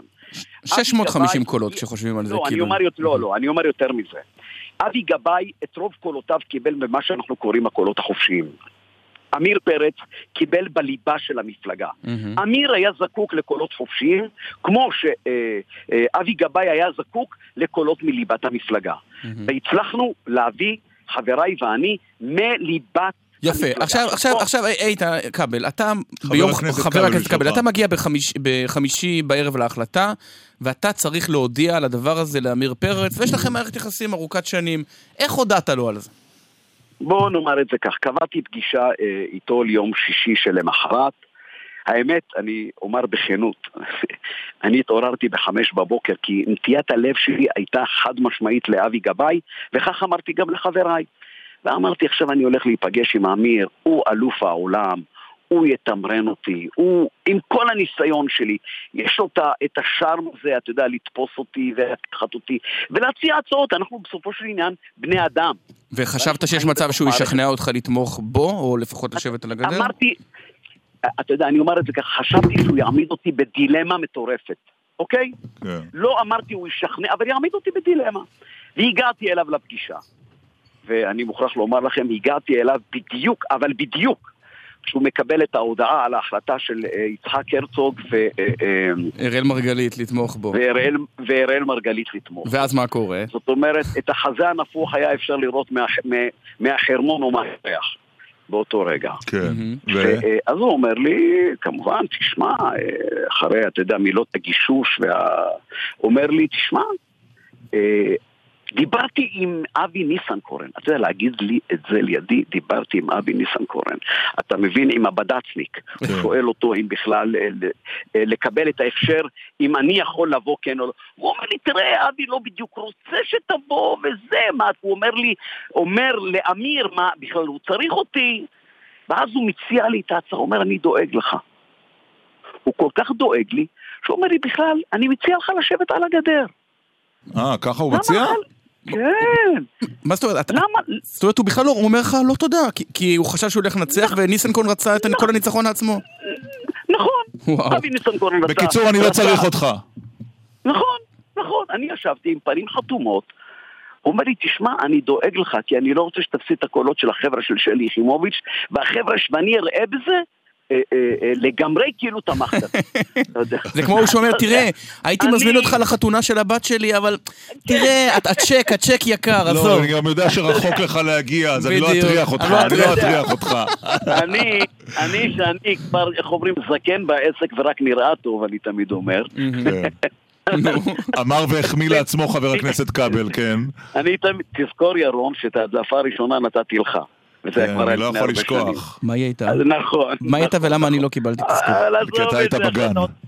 נכון. אה, אוקיי. אז לכן, לכן מה שאני בעצם אומר לכם, אני באמת, לא ידעתי מה לומר, אני בא לבן אדם שהוא לא מבין שהוא אה, על חודם של קולות לכאן ולכאן, ומציע לי הצעה, הוא כל כך היה מלא מעצמו, כל כך מלא מעצמו, יצאתי משם, ושוב, כמו שאמרתי לכם, ההחלטה שלי הייתה כבר קודם, כן. רק חשבתי שהוא ישים אותי באיזושהי פינה. הוא נתן לי מוטיבציה ולחבריי מוטיבציה מטורפת. אבל תגיד לי, איתן כבל. איך, את- איך זה קורה הדבר הזה? הרי מה, הוא, הוא יודע שזה קרב צמוד, מה, הוא היה בטוח שהוא מנצח 60-40? ל- אני אומר את זה כך, אתה יודע, אה, אה, אה, הדיווחים, אתה יודע איך החיים, כשאתה גם חי בתוך המפלגה, כל קול הוא עשרה קולות נהיה. כל תנועה היא אוגדה משוריינת נעה. כן. זאת אומרת, בסוף בסוף אה, זה בלבל, לדעתי זה בלבל. בלבל, אני ידעתי, על הסיפור הזה, אתה יודע מה? לגמרי, על על זה אומרים צוחק מי שצוחק אחרון בסופו של דבר. זה נאמר גם על הסיפור הזה. כן, כן, כן, כן, זה, זה במידה רבה, טוב. אה, אה, זה נכון. חבר הכנסת כבל, תודה שסיפרת לנו. כן, רציתי ככה, אתה יודע, הרבה שתוהים ושואלים, הרי אני, היה חשוב לי גם, כי חלק ניכר מחבריי גם נמצאים ותמכו אה, אה, כן. בכל ליבם. ועמיר פרץ, שהוא, אין, אין ויכוח על זה שהוא ראוי ומתאים כן. ובעל אה, אה, אה, אה, יכולות, אין ויכוח בעניין הזה. אבל יחד עם זאת, באמת, היה חשוב לי לומר במשפט אחרון. כן. היה חשוב מדי. לי הפעם לעשות את מה שנכון, ואני חושב שעשיתי כך ואיך גם חבריי עשו. חבר הכנסת איתן כבל, אה, תודה רבה על השיחה הזו. תודה לכם, תודה, נשתמע. וסוף שבוע נעים. איזה תודה. סיפור? כן? ממש. סיפור, אה, סיפור. יותר טוב מהפיפסים ששמענו קודם. יותר גם מהטו. מהטו. זה היה נורא. אתה אתה רוצה לעשות גל- פה את גלי- הבירור? גלי הטכנאית עוד לא התאוששה. אתה רוצה לעשות פה גלי, את קורה? זה לא- זה לא סוף העולם. תכף אנחנו נברר מה קרה שם בשידור. מפקד, רוצה? לדעתי המפקד צריך לשלם בראשו על התקלה הזאת. הבנתי. לא. תוך כמה זמן? חודשיים? 11. אה, עד 11.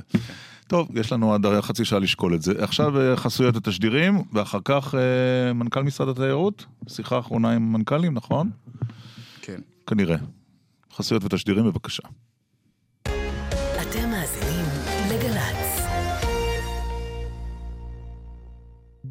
פסטיבל הקולנוע ירושלים. אתם מוזמנים לגלות את הסרטים החדשים מהארץ ומהעולם בהקרנות בכורה, לפגוש את היוצרים ואת השחקנים העומדים מאחוריהם, ולבקר ברחבי העיר בשלל פעילויות מעולם הקולנוע לכל המשפחה. פסטיבל הקולנוע הבינלאומי ירושלים, 13 עד 23 ביולי, כוכבי 9377, מוגש מטעם סינמטק ירושלים. שלום, כאן ליאור אליהו. אני מזמין אתכם ליורו-בסקט, אליפות אירופה בכדורסל, פעם ראשונה בישראל. הנבחרות והשחקנים מאירופה נוחתים כאן בתל אביב. אתם מוזמנים להיות חלק מהיורו-בסקט. לרכישת כרטיסים התקשרו כוכבית 8780 או באתר לאן. כשאבא נלחם באימא, ואימא נלחמת באבא. בשבילי זה כבר לא משחק. במלחמה הזאת אין מנצחים. אבא, אמא, החלטתם להיפרד? לפני שתפתחו במאבק משפטי, על פי החוק, עליכם להגיע לעד ארבעה מפגשי מידע, ייעוץ וסיוע. משרד העבודה והרווחה ומשרד המשפטים מאפשרים לכם לחסוך כאב, זמן וכסף בדרך שלכם, כדי שגם אתם תוכלו להיפרד ולהישאר תמיד הורים. עוד פרטים באתר משרד העבודה והרווחה. נכון, יש לנו מתקני התפלה ותמיד יהיו מים בברז. אבל מים הם חיים, וחיים לא מבזבזים. אחרי ארבע שנות בצורת, הקיץ הזה משתמשים במים בחוכמה ומתקנים נזילות בכל ברז מטפטף. עוד דרכים לשימוש חכם במים, באתר רשות המים.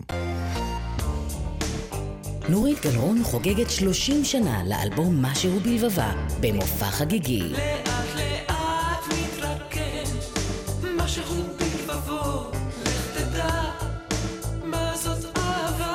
אתה הרי יודע, זה הגשם, המיסטיקנים הסינים ועוד רבים משיריה היפים. הלילה בעשר, בזאפה הרצליה, ובשידור חי, בגל"צ. עכשיו בגל"צ, ירון דקל ועמית סגל. יש לך איזה ציוץ או שניים? אה, יש הרבה תגובות על הרעיון של כבל, תשמע, שסיפר סיפור... אה, אז קדימה, אשטג דקל סגל, למצייצים בטוויטר. תקרא לנו משהו.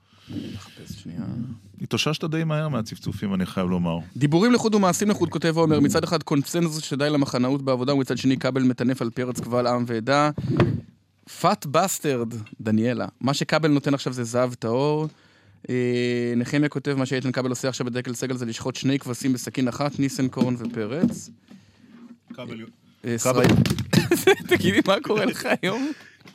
נופלים לי פה דברים. כבל יאהב את הציוץ הזה. כן. כן. אהבתי שאחרי ערימת הלכלוך, על אמיר כותב מישהו, אה, הוא סיים במנטרה, אין ספק שהוא איש ראוי. תראה, טוב. אם- באמת אבל זה מפתיע מאוד על עמיר פרץ, כן. הם ידעו מראש שזה קרב מאוד מאוד צמוד. בפעם הבאה שנראיין את עמיר פרץ צריך לשאול אותו את השאלה הזו. כן, רק להגיד, אנחנו, האמת אולי נפנה לבקש את תגובתו? כן, כן. אולי נבקש את תגובתו של חבר. הכנסת עמיר פרץ. לטענות האלה. יש לקוות שהם האזינו לשידור הזה של איתן כבל, לא קיבלו מידע על מה שהוא אמר. אביב גפן כותב, אחרי הריאיון שלי בשידור הסינגל אצל עמית וירון, נפל השידור, הללויה. אה, זה עמית אביב גפן כותב? כן. אה, המאזין אביב גפן. כן. כן. טוב, בואו נדבר קצת על תיירות ונהרגע. כן. שלום לאמיר הלוי, מנכ"ל משרד התיירות. בוקר טוב. מי אמר שלא מדברים על חדשות טובות? לא, אני שמח. אם אתם אה, התפניתם לתיירות, אז המצב טוב, אנחנו... אפשר להתחיל גם בחדשות רעות. שנה האחרונה- המחירים לא, לא ירדו לא. בארץ, למשל, אם אתה רוצה שנתחיל בזה. חשבתי שתדבר על זה שבקצב הזה של הגעת תיירים לארץ, אנחנו במצוקת חדרי מלון פה, נכון. עם עוד חצי מיליון מיליון תיירים. אפשר אנחנו להתחיל בזה. ש... כן, אבל סך הכל זה חדשות טובות, חודש שישי, שישה חודשים שהם חודשי שיא כל הזמנים, חצי שנה ששברנו בה את כל השיאים. וזה בגלל המצב נראית הביטחוני, מצוין. אה, מנכ"ל משרד התיירות? כלומר, מצב ביטחוני יותר רגוע מאפשר הגעה של תיירים? תראה, התשובה היא יותר אה, מורכבת. דבר ראשון, מה שקרה פה זה שבמשרד התיירות אה, לפני שנתיים, כשהגיע יריב לוין למשרד התיירות, והושיב את הצוות והתחלנו לגבש אסטרטגיה, אז הוא כיוון אותנו לכיוון, תפסיקו למכור את ישראל כהולילנד, ורק לכאלה שמגיעים מגיעים לארץ להסתגף לפני המוות, אלא לשים את ישראל על מפת אתרי הנופש, ה-CN ושינינו פה את כל האסטרטגיה. בהרבה ערוצים, אם זה עם אה, חברות התעופה שיצרנו פה הסכמים איתם כדי שיפתחו קווים חדשים, הסכמי שיווק. אנחנו רואים מה קרה עם אה, חינן הסינית, שמרחיבה עכשיו את הפעילות גם לשנגחאי, אבל זה כתוצאה מהסכמים שאנחנו עשינו איתם. אז מה עשי- יצרנו איתם אבל קשר. אמיר הלוי, רגע, כן. שנייה. זה רק קו תעופה מסין, מהמם. אנחנו רואים את הגידול, אנחנו היינו ב-40 אלף, קפצנו למעל 70, אנחנו נעבור מעל את ה-100 אלף השנה. וכל קו תעופה כזה זה בערך עוד 30 אלף סינים שמגיעים, ואתם מבינים שזו מגמה שהולכת לשנה, לשנות את מפת התיירות כמה- בארץ, אם הכל ילך כמו שאנחנו מצפים. כמה כל תייר, כמה רגע, כל... אה, אמיר אמיר הלוי, תן לנו- שנייה. תן לנו גם לשאול שאלות. כמה אנחנו- כל תייר... אתה רוצה להבין את התמונה? לא, רוצים? מבינים, מבינים, רק אנחנו שאלה. רוצים להבין את התמונה. כמה כל תייר כזה שנכנס לארץ, הרי בזמנו הייתה איזו תופעה של תיירים שנכנסים ליום, ממלאים את הסטטיסטיקה אבל לא מכניסים כסף. כמה כל תייר כזה שנכנס. הכניס למדינת ישראל בממוצע? יפה, אז הממוצע הוא בערך 1,500 דולר, יש את התיירים שמכניסים יותר, הסינים דרך אגב, ובגלל זה נתתי לדוגמה, מכניסים הרבה יותר. באמת? איך? אה, כן, יותר, כי הסינים מוציאים פה הרבה כסף, גם התיירים מברזיל מוציאים פה הרבה כסף, גם התיירים הרוסים מוציאים, ויש במדינות באירופה שמוציאים קצת פחות, בלי להיכנס עכשיו לפרטים. אבל הסך הכל בגלל זה הצלחנו לשכנע את משרד האוצר שאנחנו פה שילשנו את תקציב השיווק. מה שבהסכם תקציבי אה, יריב לוין סגר זה פי שלוש ממה שהיה, והלכנו פה גם לחברות תעופה, גם כל השמות שאתם מכירים, Expedia, TripAdvisor, שלא היינו במגרש הזה. כל עמודי הבית אה, היו בדומיננטיות גדולה של אתרי נופש ישראלים מתל אביב ואילת דרך ירושלים. אנחנו רואים את זה בכל הבקרה שלנו על ההקלקות ועל החשיפה. וההשקעה הגדולה הזו יצרה מצב שיש אה, מיליארדים אה, רבים נוספים Mm. שנכנסים למשק הישראלי, ואנחנו מקווים שהמגמה הזאת תימשך. עכשיו אני רוצה לשאול אותך, אם המגמה הזו היא כל כך חיובית, ואני מבין שבמחצית הראשונה של 2017 מיליון ושבע מאות אלף אה, תיירים הגיעו לישראל, אין סיכוי שזה ישפיע על הורדת מחירים לטובת גם התייר, תיירות הפנים, והישראלים ימשיכו לשלם אה, סכומים גבוהים על בתי מלון. כי אתה מבין מה קורה פה, רק כדי להשלים אם את יש מי השאלה. שמשלם, אז, לא, אה, הרי מגיעים יותר תיירים אז המחירים בארץ עולים, ומצד שני צריך למלא את הטיסות בחזור, אז המחירים לחו"ל יורדים, אז, אז אתה משפר את תיירות החוץ, אבל מוריד את תיירות הפנים. אנחנו פועלים פה בכיוון מאוד ברור של להרחיב את השוק במה שניתן, שהוא יהיה גם יותר מגוון וגם עם היצע יותר גדול, ובין אם זה בקמפינגים שאנחנו נדבר איתכם עכשיו מסובב כנרת, שאנחנו פה בוחנים אה, הרחבה של הקמפינגים, גם את זה האירופאים והתיירים אה, הברית בטח ואוסטרלים מחפשים, אה, קמפינגים על ה...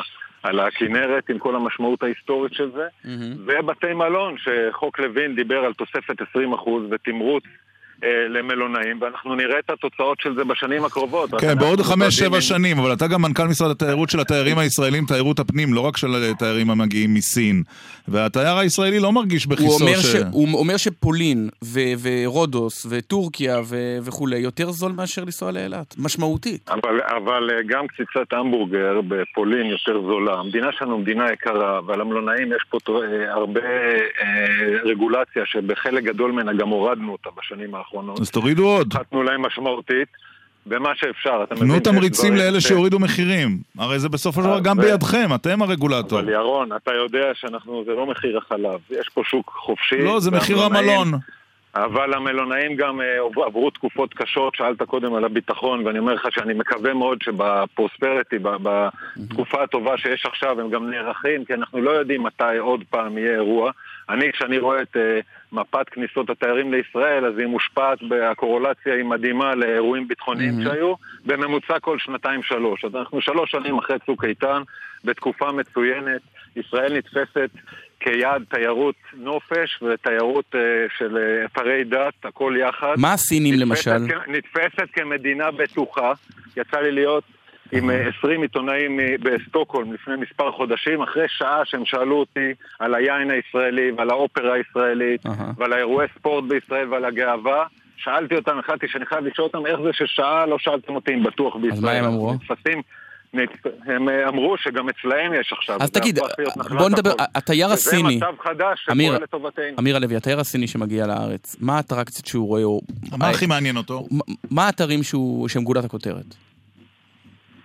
אתרים היסטוריים, השילוב של היסטוריה וטכנולוגיה ולפענח את הצופן הישראלי. אנחנו נפגשים הרבה עם אה, קבוצות סיניות, מעניין אותם, הם ביקשו מאיתנו שנפיק איזה קליפ שמסביר את הסיפור היהודי. אחרי הביקור שלהם בעכו, אחרי הביקור שלהם בעיר דוד, שזוכה פה באמת אה, כל הזמן לתשבוכות על כל מה שקורה שם בירושלים. הם מחפשים, הם רוצים לדעת, הם מעמיקים, חשובה להם איכות מורי הדרך, ואנחנו מצטיינים באיכות מורי הדרך. אבל הם הרי לא נוסעים. לנצרת לכנסייה, לכנסייה, והם לא נוסעים... לא, אבל הם אה, נמצאים בהרבה מאוד אתרים ארכיאולוגיים, הרבה מאוד, ולצד זה שהם גם אוהבים, הם אה, חייבים להיות בים המלח, הם חייבים להיות במקום הנמוך בעולם ולעשות שם את התמונה המסורתית שלהם כשהם מצטלמים עם עיתון בעברית, וכל זה אה, מביא אותנו פה באמת לזה שאנחנו יצרנו פה נהלים שיתמרצו את התעשייה. ל- ל- להיערך לגל הסיני שאנחנו מקווים שיתעצם, כי אנחנו רואים את ההתעניינות בחברות תעופה, אנחנו רואים את הקמפיינים שלנו, אנחנו מודדים אותם ואנחנו מאוד מאוד אופטימיים עם השוק הסיני. טוב. אה, סוף סוף חדשות טובות. קצת חדשות טובות, כן. כן, נקווה באמת שהוא לא למה יכול. קצת? אני חושב שאם לא מבינים, אז אה, המשך הגידול הזה הוא תוספת כוח מאוד גדולה לכלכלה הישראלית. כן, רק צריך גם לדאוג שלא. אבל לכלכלה הבשורה, הבשורה לישראלים לא הייתה כאן. אה, סליחה, כל אלה שבענף התיירות כן, אבל אלה שרק מתיירים בארץ פחות. אבל ירון, התיירות? היתרון שלה, שהיא מחזיקה את מצפה רמון, ומחזיקה ותחזיק עוד יותר את יישובי הערבה כשנגמור לפתח שם את המוצר הדרומי, כי האירופאים יבואו בחורף לערבה ולמדבר ולמצפה רמון. האמת זה מקום... ולמצדה. אה, לעשות רכיבה על האופניים והליכה בדיוק כמו שהם אה, נוסעים לסקי באלפים, כי זה החלופה ואנחנו הולכים לעשות את זה ולפתח. לא מתלוננים אצלך יוצר- על התורים בנמל התעופה שלנו, אלפי שצר מלהכיל את המידות של התיירים? לא מתלוננים על ה... איפה? מתלוננים על מה? בנתב"ג, התורים. הם הם לא מתלוננים התיירים? סך הכל נתב"ג זוכה לציונים גבוהים ברמת השירות וברמת הניקיון, יש תקופות של עומסים. אני רק חייב להגיד פה, כי כשאתה מחכה בשדה בלונדון שעתיים אז זה בסדר, ופה אתה מחכה 20 דקות אז זה נראה נורא. זה לא, אה, זה לא, זה ברור שאנחנו מנסים לעשות הכל יחד עם רשות שדות התעופה ויחד עם כל הגופים שקשורים לזה, אבל בסך הכל במרבית המקרים טוב. נתב"ג זוכה לא רק בביטחון לציונים גבוהים, ותמיד יש מקום לשפר, ובגלל זה אנחנו שם. תודה רבה, אמיר הלוי, מנכ"ל משרד התיירות. שיהיה, בה- שיהיה לכולנו קיץ. קל. תודה. להתראות. קצת מוסיקה, ותכף נדבר כאן עם אה, דיילת בקו תל אביב אילת. אפרופו תיירות פנים, וואלה. נכון. אדם מן היישוב, דיילת בקו תל אביב אילת. אחרי המוסיקה.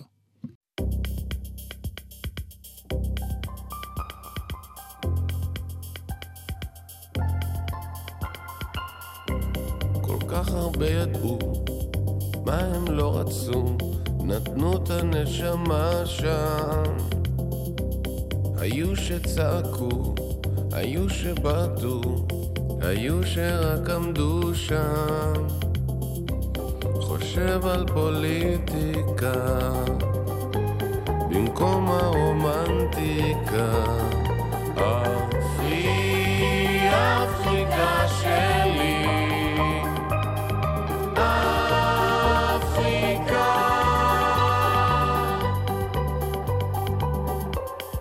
כן שחור לבן, ולא זה לא יעזור, חייבים להודות ש... לא בחרנו קצת להיות לבד, זה דבר מפחיד ו...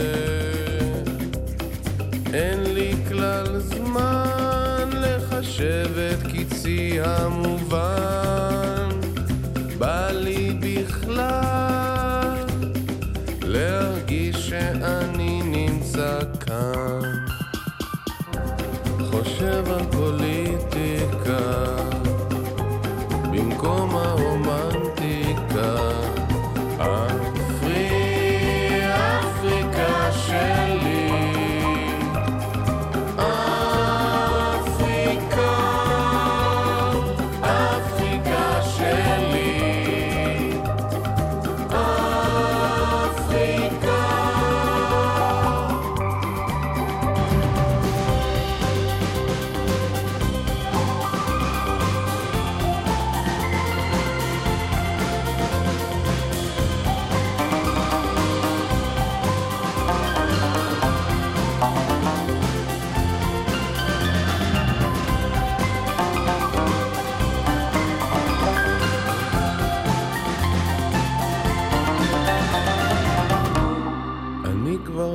חושב אודות זאב זאב, פשוט לוקח צעד. יד אחת פשוטה, יד אחת קפוצה, שוכח את הפחד. חושב על פוליטיקה, במקום הרומנטיקה. אפרי, אפריקה שלי.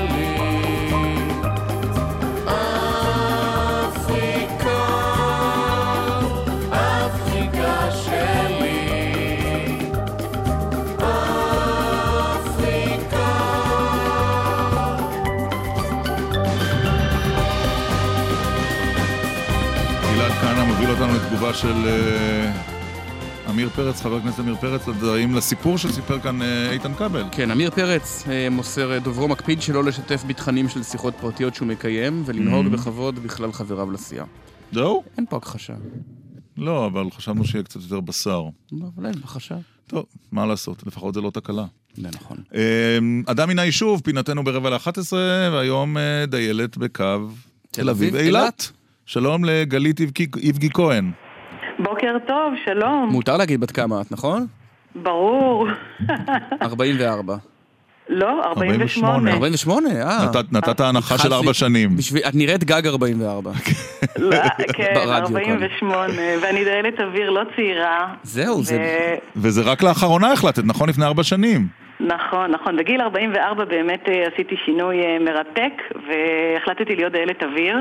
כולם צחקו בהתחלה איך תעמדי על הרגליים בגיל הזה, וכל, ה... וכל הדברים האלה. מה עשית אבל, לפני אה, זה? הייתי ברדיו, הייתי הרבה שנים באוניברסיטת בן גוריון באילת, בקמפוס פה באילת. אני הגעתי מהקמפוס המרכזי בבאר שבע לכאן, הייתי עוזרת ראש מינהל הקמפוס. אוקיי. ולפני uh, תשע שנים ילדתי את בני השלישי והאחרון והחלטתי לעשות שינוי והלכתי לרדיו, הייתי מפיקה ראשית ברדיו כל הים האדום ומנהלת תוכניות האקטואליה אוקיי. ועבודה מעניינת, מרתקת, אתם יודעים מה זה רדיו, חדשות, אה, אינטנסיבי בוודאי. לגמרי עמית חשב על אונליין. הדייל אוויר, אבל בסוף הוא החליט להישאר בתקשורת. בקו עטרות חיפה. יפה. תגידי, אבל מה גורם לה- ולפני ארבע שנים. החלטתי לעשות שינוי נוסף. אבל למה, את יודעת מה שואלים כולם? אוקיי, להיות דיילת זה אחלה, אנחנו מכירים דיילות. למה לא לברלין? למ- בדיוק, למ- למה ב... קודם כל, הקו הזה של אילת, אה, אני גרה, קודם כל אני גרה באילת, אני תושבת אילת, אני גרה בשנים האחרונות באילת, כן. ובגלל שאני בקו הזה, אז אני עובדת רק על הקו הזה, אני על המטוסים שנקראים ATR. אה, על ה-ATR 72 אני עובדת, אני מוסמכת רק למטוסים האלה, כאילו על הקו הזה. כן. מגיעים איתם גם לאיי יוון ולרודוס, לארנקה, כל ה... אה, אתה יודע, כל הסביבה הזאתי, ואני על הקו אילת תל אביב, אילת חיפה, אילת נתב"ג, כל מה שמאילת כמה טיסות ו- ביום זה? יש פעמים שזה ארבע, יש פעמים חמש, יש פעמים שתיים, זה נורא נורא תלוי, ארבע פעמים. הלוך חזור? זאת אומרת שמונה...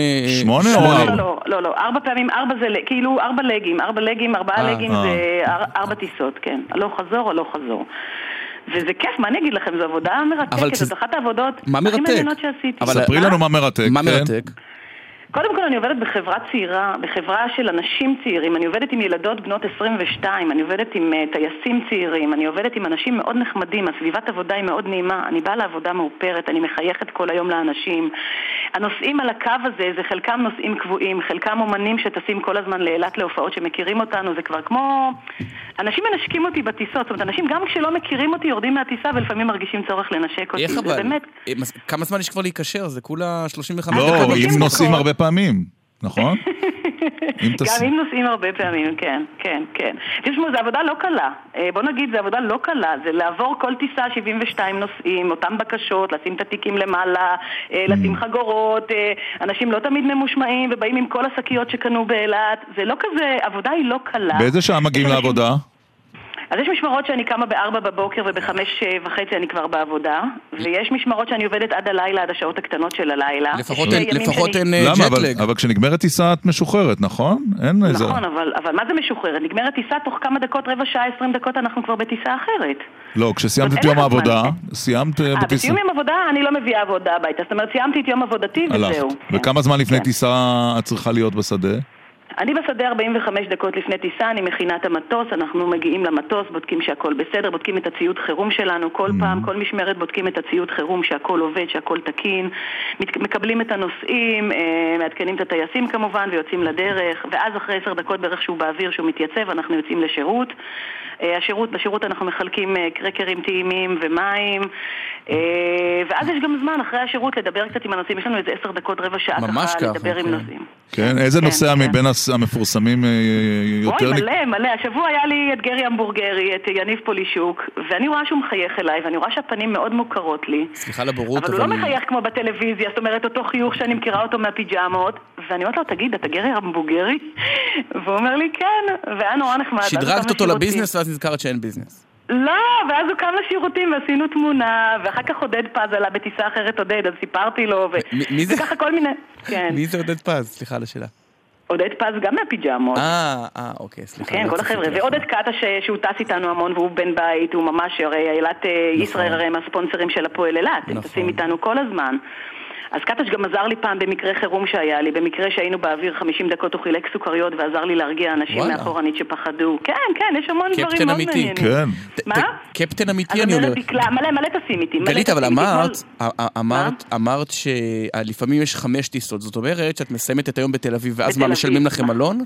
נכון, אנחנו ישנים, עושים overnight בתל אביב, ישנים במלון, ובבוקר מביאים את המטוס לאילת, מחזירים אותו לאילת, כן, כן. ו- כן, ואז את, זה קורה. אז את גם אה, קצת, מקבלת אה, הזדמנות לראות את הארץ. אה, תל האמת, אביב, אני- מה אני רואה הארץ? את הם טסים רק- בכל מצב. ביום החופשי שלי אני לא נשארת בבית לכבס ולבשל, למרות שאני עושה גם את זה. אני יוצאת לטייל, אני עולה לירושלים לבתי קפה, אני עולה לחיפה, אני מכירה את כל בתי הקפה בחיפה. אני עולה לתל אביב, אני מטיילת המון, מצלמת המון, אני משוררת, יש לי ספר בחנויות, אה, והספר השני באמת? בדרך. אה, אה, פנטסטי. שיר שלי התפרסם בהארץ לפני שבועיים, אחד במעריב, אחד אצל אלי רכלין בערוץ 10. איזה כיף. אני, כן, גלית, אבל. איך- איך ישראל יפה בקו הזה בין אילת לתל אביב? תקשיבו, את אילת לא נמאס לראות מהאוויר אף פעם, את ים המלח זה כל כך יפה לראות, אני תמיד מצלמת. אני, אני ארבע שנים דיילת, נוסעת הקו הזה יום יום יום, ואני כל פעם מצלמת את זה מחדש. זה פשוט יפה. ובשלג, כשהיה שלג לפני כמה שנים בהרי יהודה, מעל ים המלח, צילמתי את השלג, זו הייתה חוויה לא נורמלית. וכ- יש... כן. וכשהשדה כן, יזוז צפונה, זה יהיה קצת יותר קשה. אני לא יודעת אם זה יהיה יותר קשה, אנחנו עוד לא יודעים בדיוק איך זה יהיה, איך זה יעבוד עם הנסיעות. היום זה מאוד נוח לי כי אני תוך חמש דקות בשדה. זאת אומרת, כן. אני לא מבזבזת הרבה זמן על לנסוע והסעה לעבודה והגעה.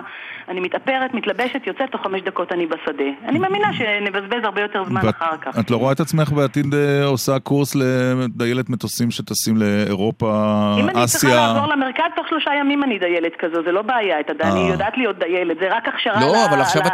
לא, אבל עכשיו את תוכלי, יהיו הרבה יותר טיסות בינלאומיות מ- מאמינה שיכשירו אותנו, אני מאמינה שיהיה יהיה- יהיה איזה טוויסט ויהיה איזשהו שינוי, אני. מאמינה. וכן, אני רוצה להגיד לכם שזאת חוויה, זה, אי אפשר לשבת יותר אה, במשרד, אחרי שאתה, אחרי שאתה באוויר ככה, אתה לא מסוגל, יש אני לא מסוגלת. היום לשבת במשרד. סם. להסתכל על השעון, לראות איך הזמן עובר לי, לא מסוגלת, הזמן רץ לי בעבודה הזאת. איך ה- איך המשכורת של דיילת אה, קו תל? המשכורות על הקו שלי הן לא גבוהות, זה משכורות מינימום יחסית. באמת? הן לא גבוהות, כן, כן. כי אין לנו טיסות לחו"ל שהן ארוכות, אין לנו דיוטי פרי, אז המשכורות הן לא, לא גבוהות, ובדרך כלל הדיילים אה, עושים עוד דברים. אה, עושים עוד עבודה, עושים עוד הכנסה. סטודנטים. כמעט יש לו... מה? גם סטודנטים. או סטודנטים, או שאנשים, אה, זה מתאים להם. לי זה מתאים כי זה אצלי אחרי קריירה. אני כבר עשיתי את הקריירות שלי. אני באתי לעשות עבודה אחרת היום, לפנות לי זמן לכתיבה. אבל אה, אנשים צעירים צריכים לעבוד בעוד עבודה, כן. צריכים לעבוד בעוד עבודה, צריכים להתפרנס, כן, כן, כן. עבודות, המקצוע הוא נורא זוהר, אבל השכר הוא לא גבוה במקצוע הזה.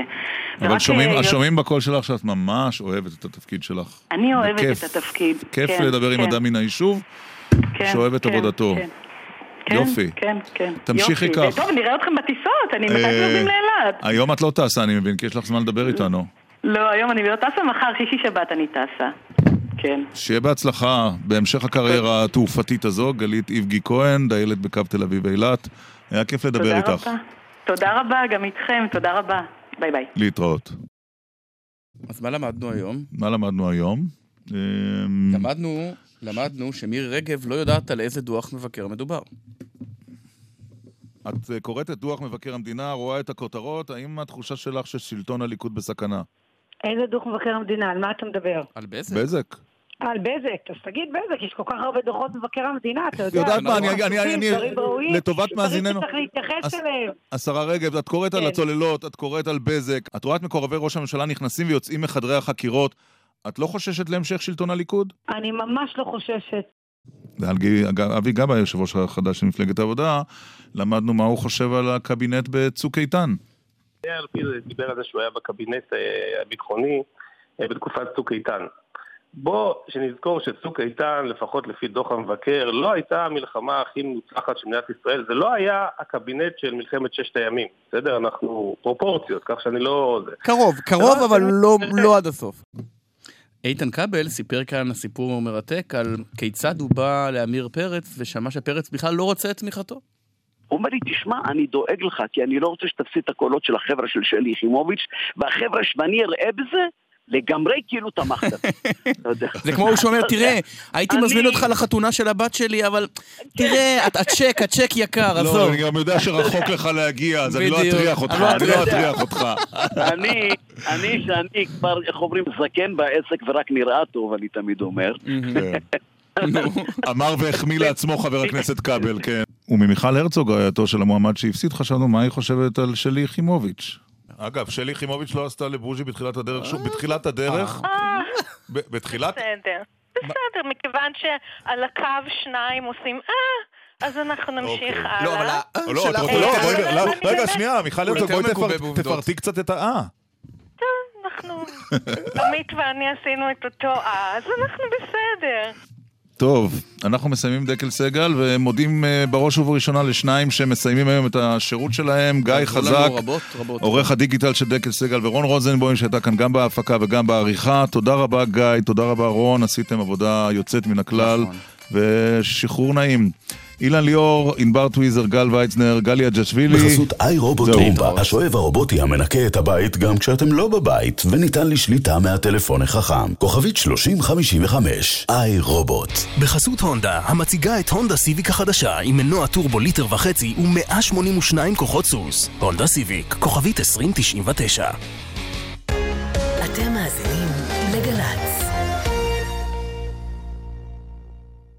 עמיתי מועדון חבר, אתם מוזמנים להכיר את הנבחרת של ניסן. אקסטרייל, קשקאי, ג'וק, מייקרה ועוד, בהטבות בלעדיות לעמיתי מועדון חבר. רק עד 25 ביולי, לפרטים כוכבית 5502 או באתר מועדון חבר. זה הכל בשבילך, זה הכל בשבילך,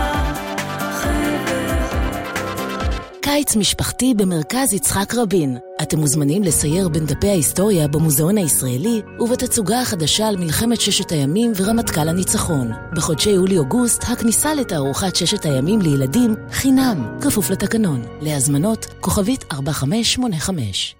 טיפ מהיר שכדאי להכיר. בקיץ מכוונים את פתחי יציאת האוויר של המזגן כלפי מעלה לפיזור יעיל יותר של האוויר הקר. מתייעלים וחוסכים. איתכם בכל רגע, חברת החשמל.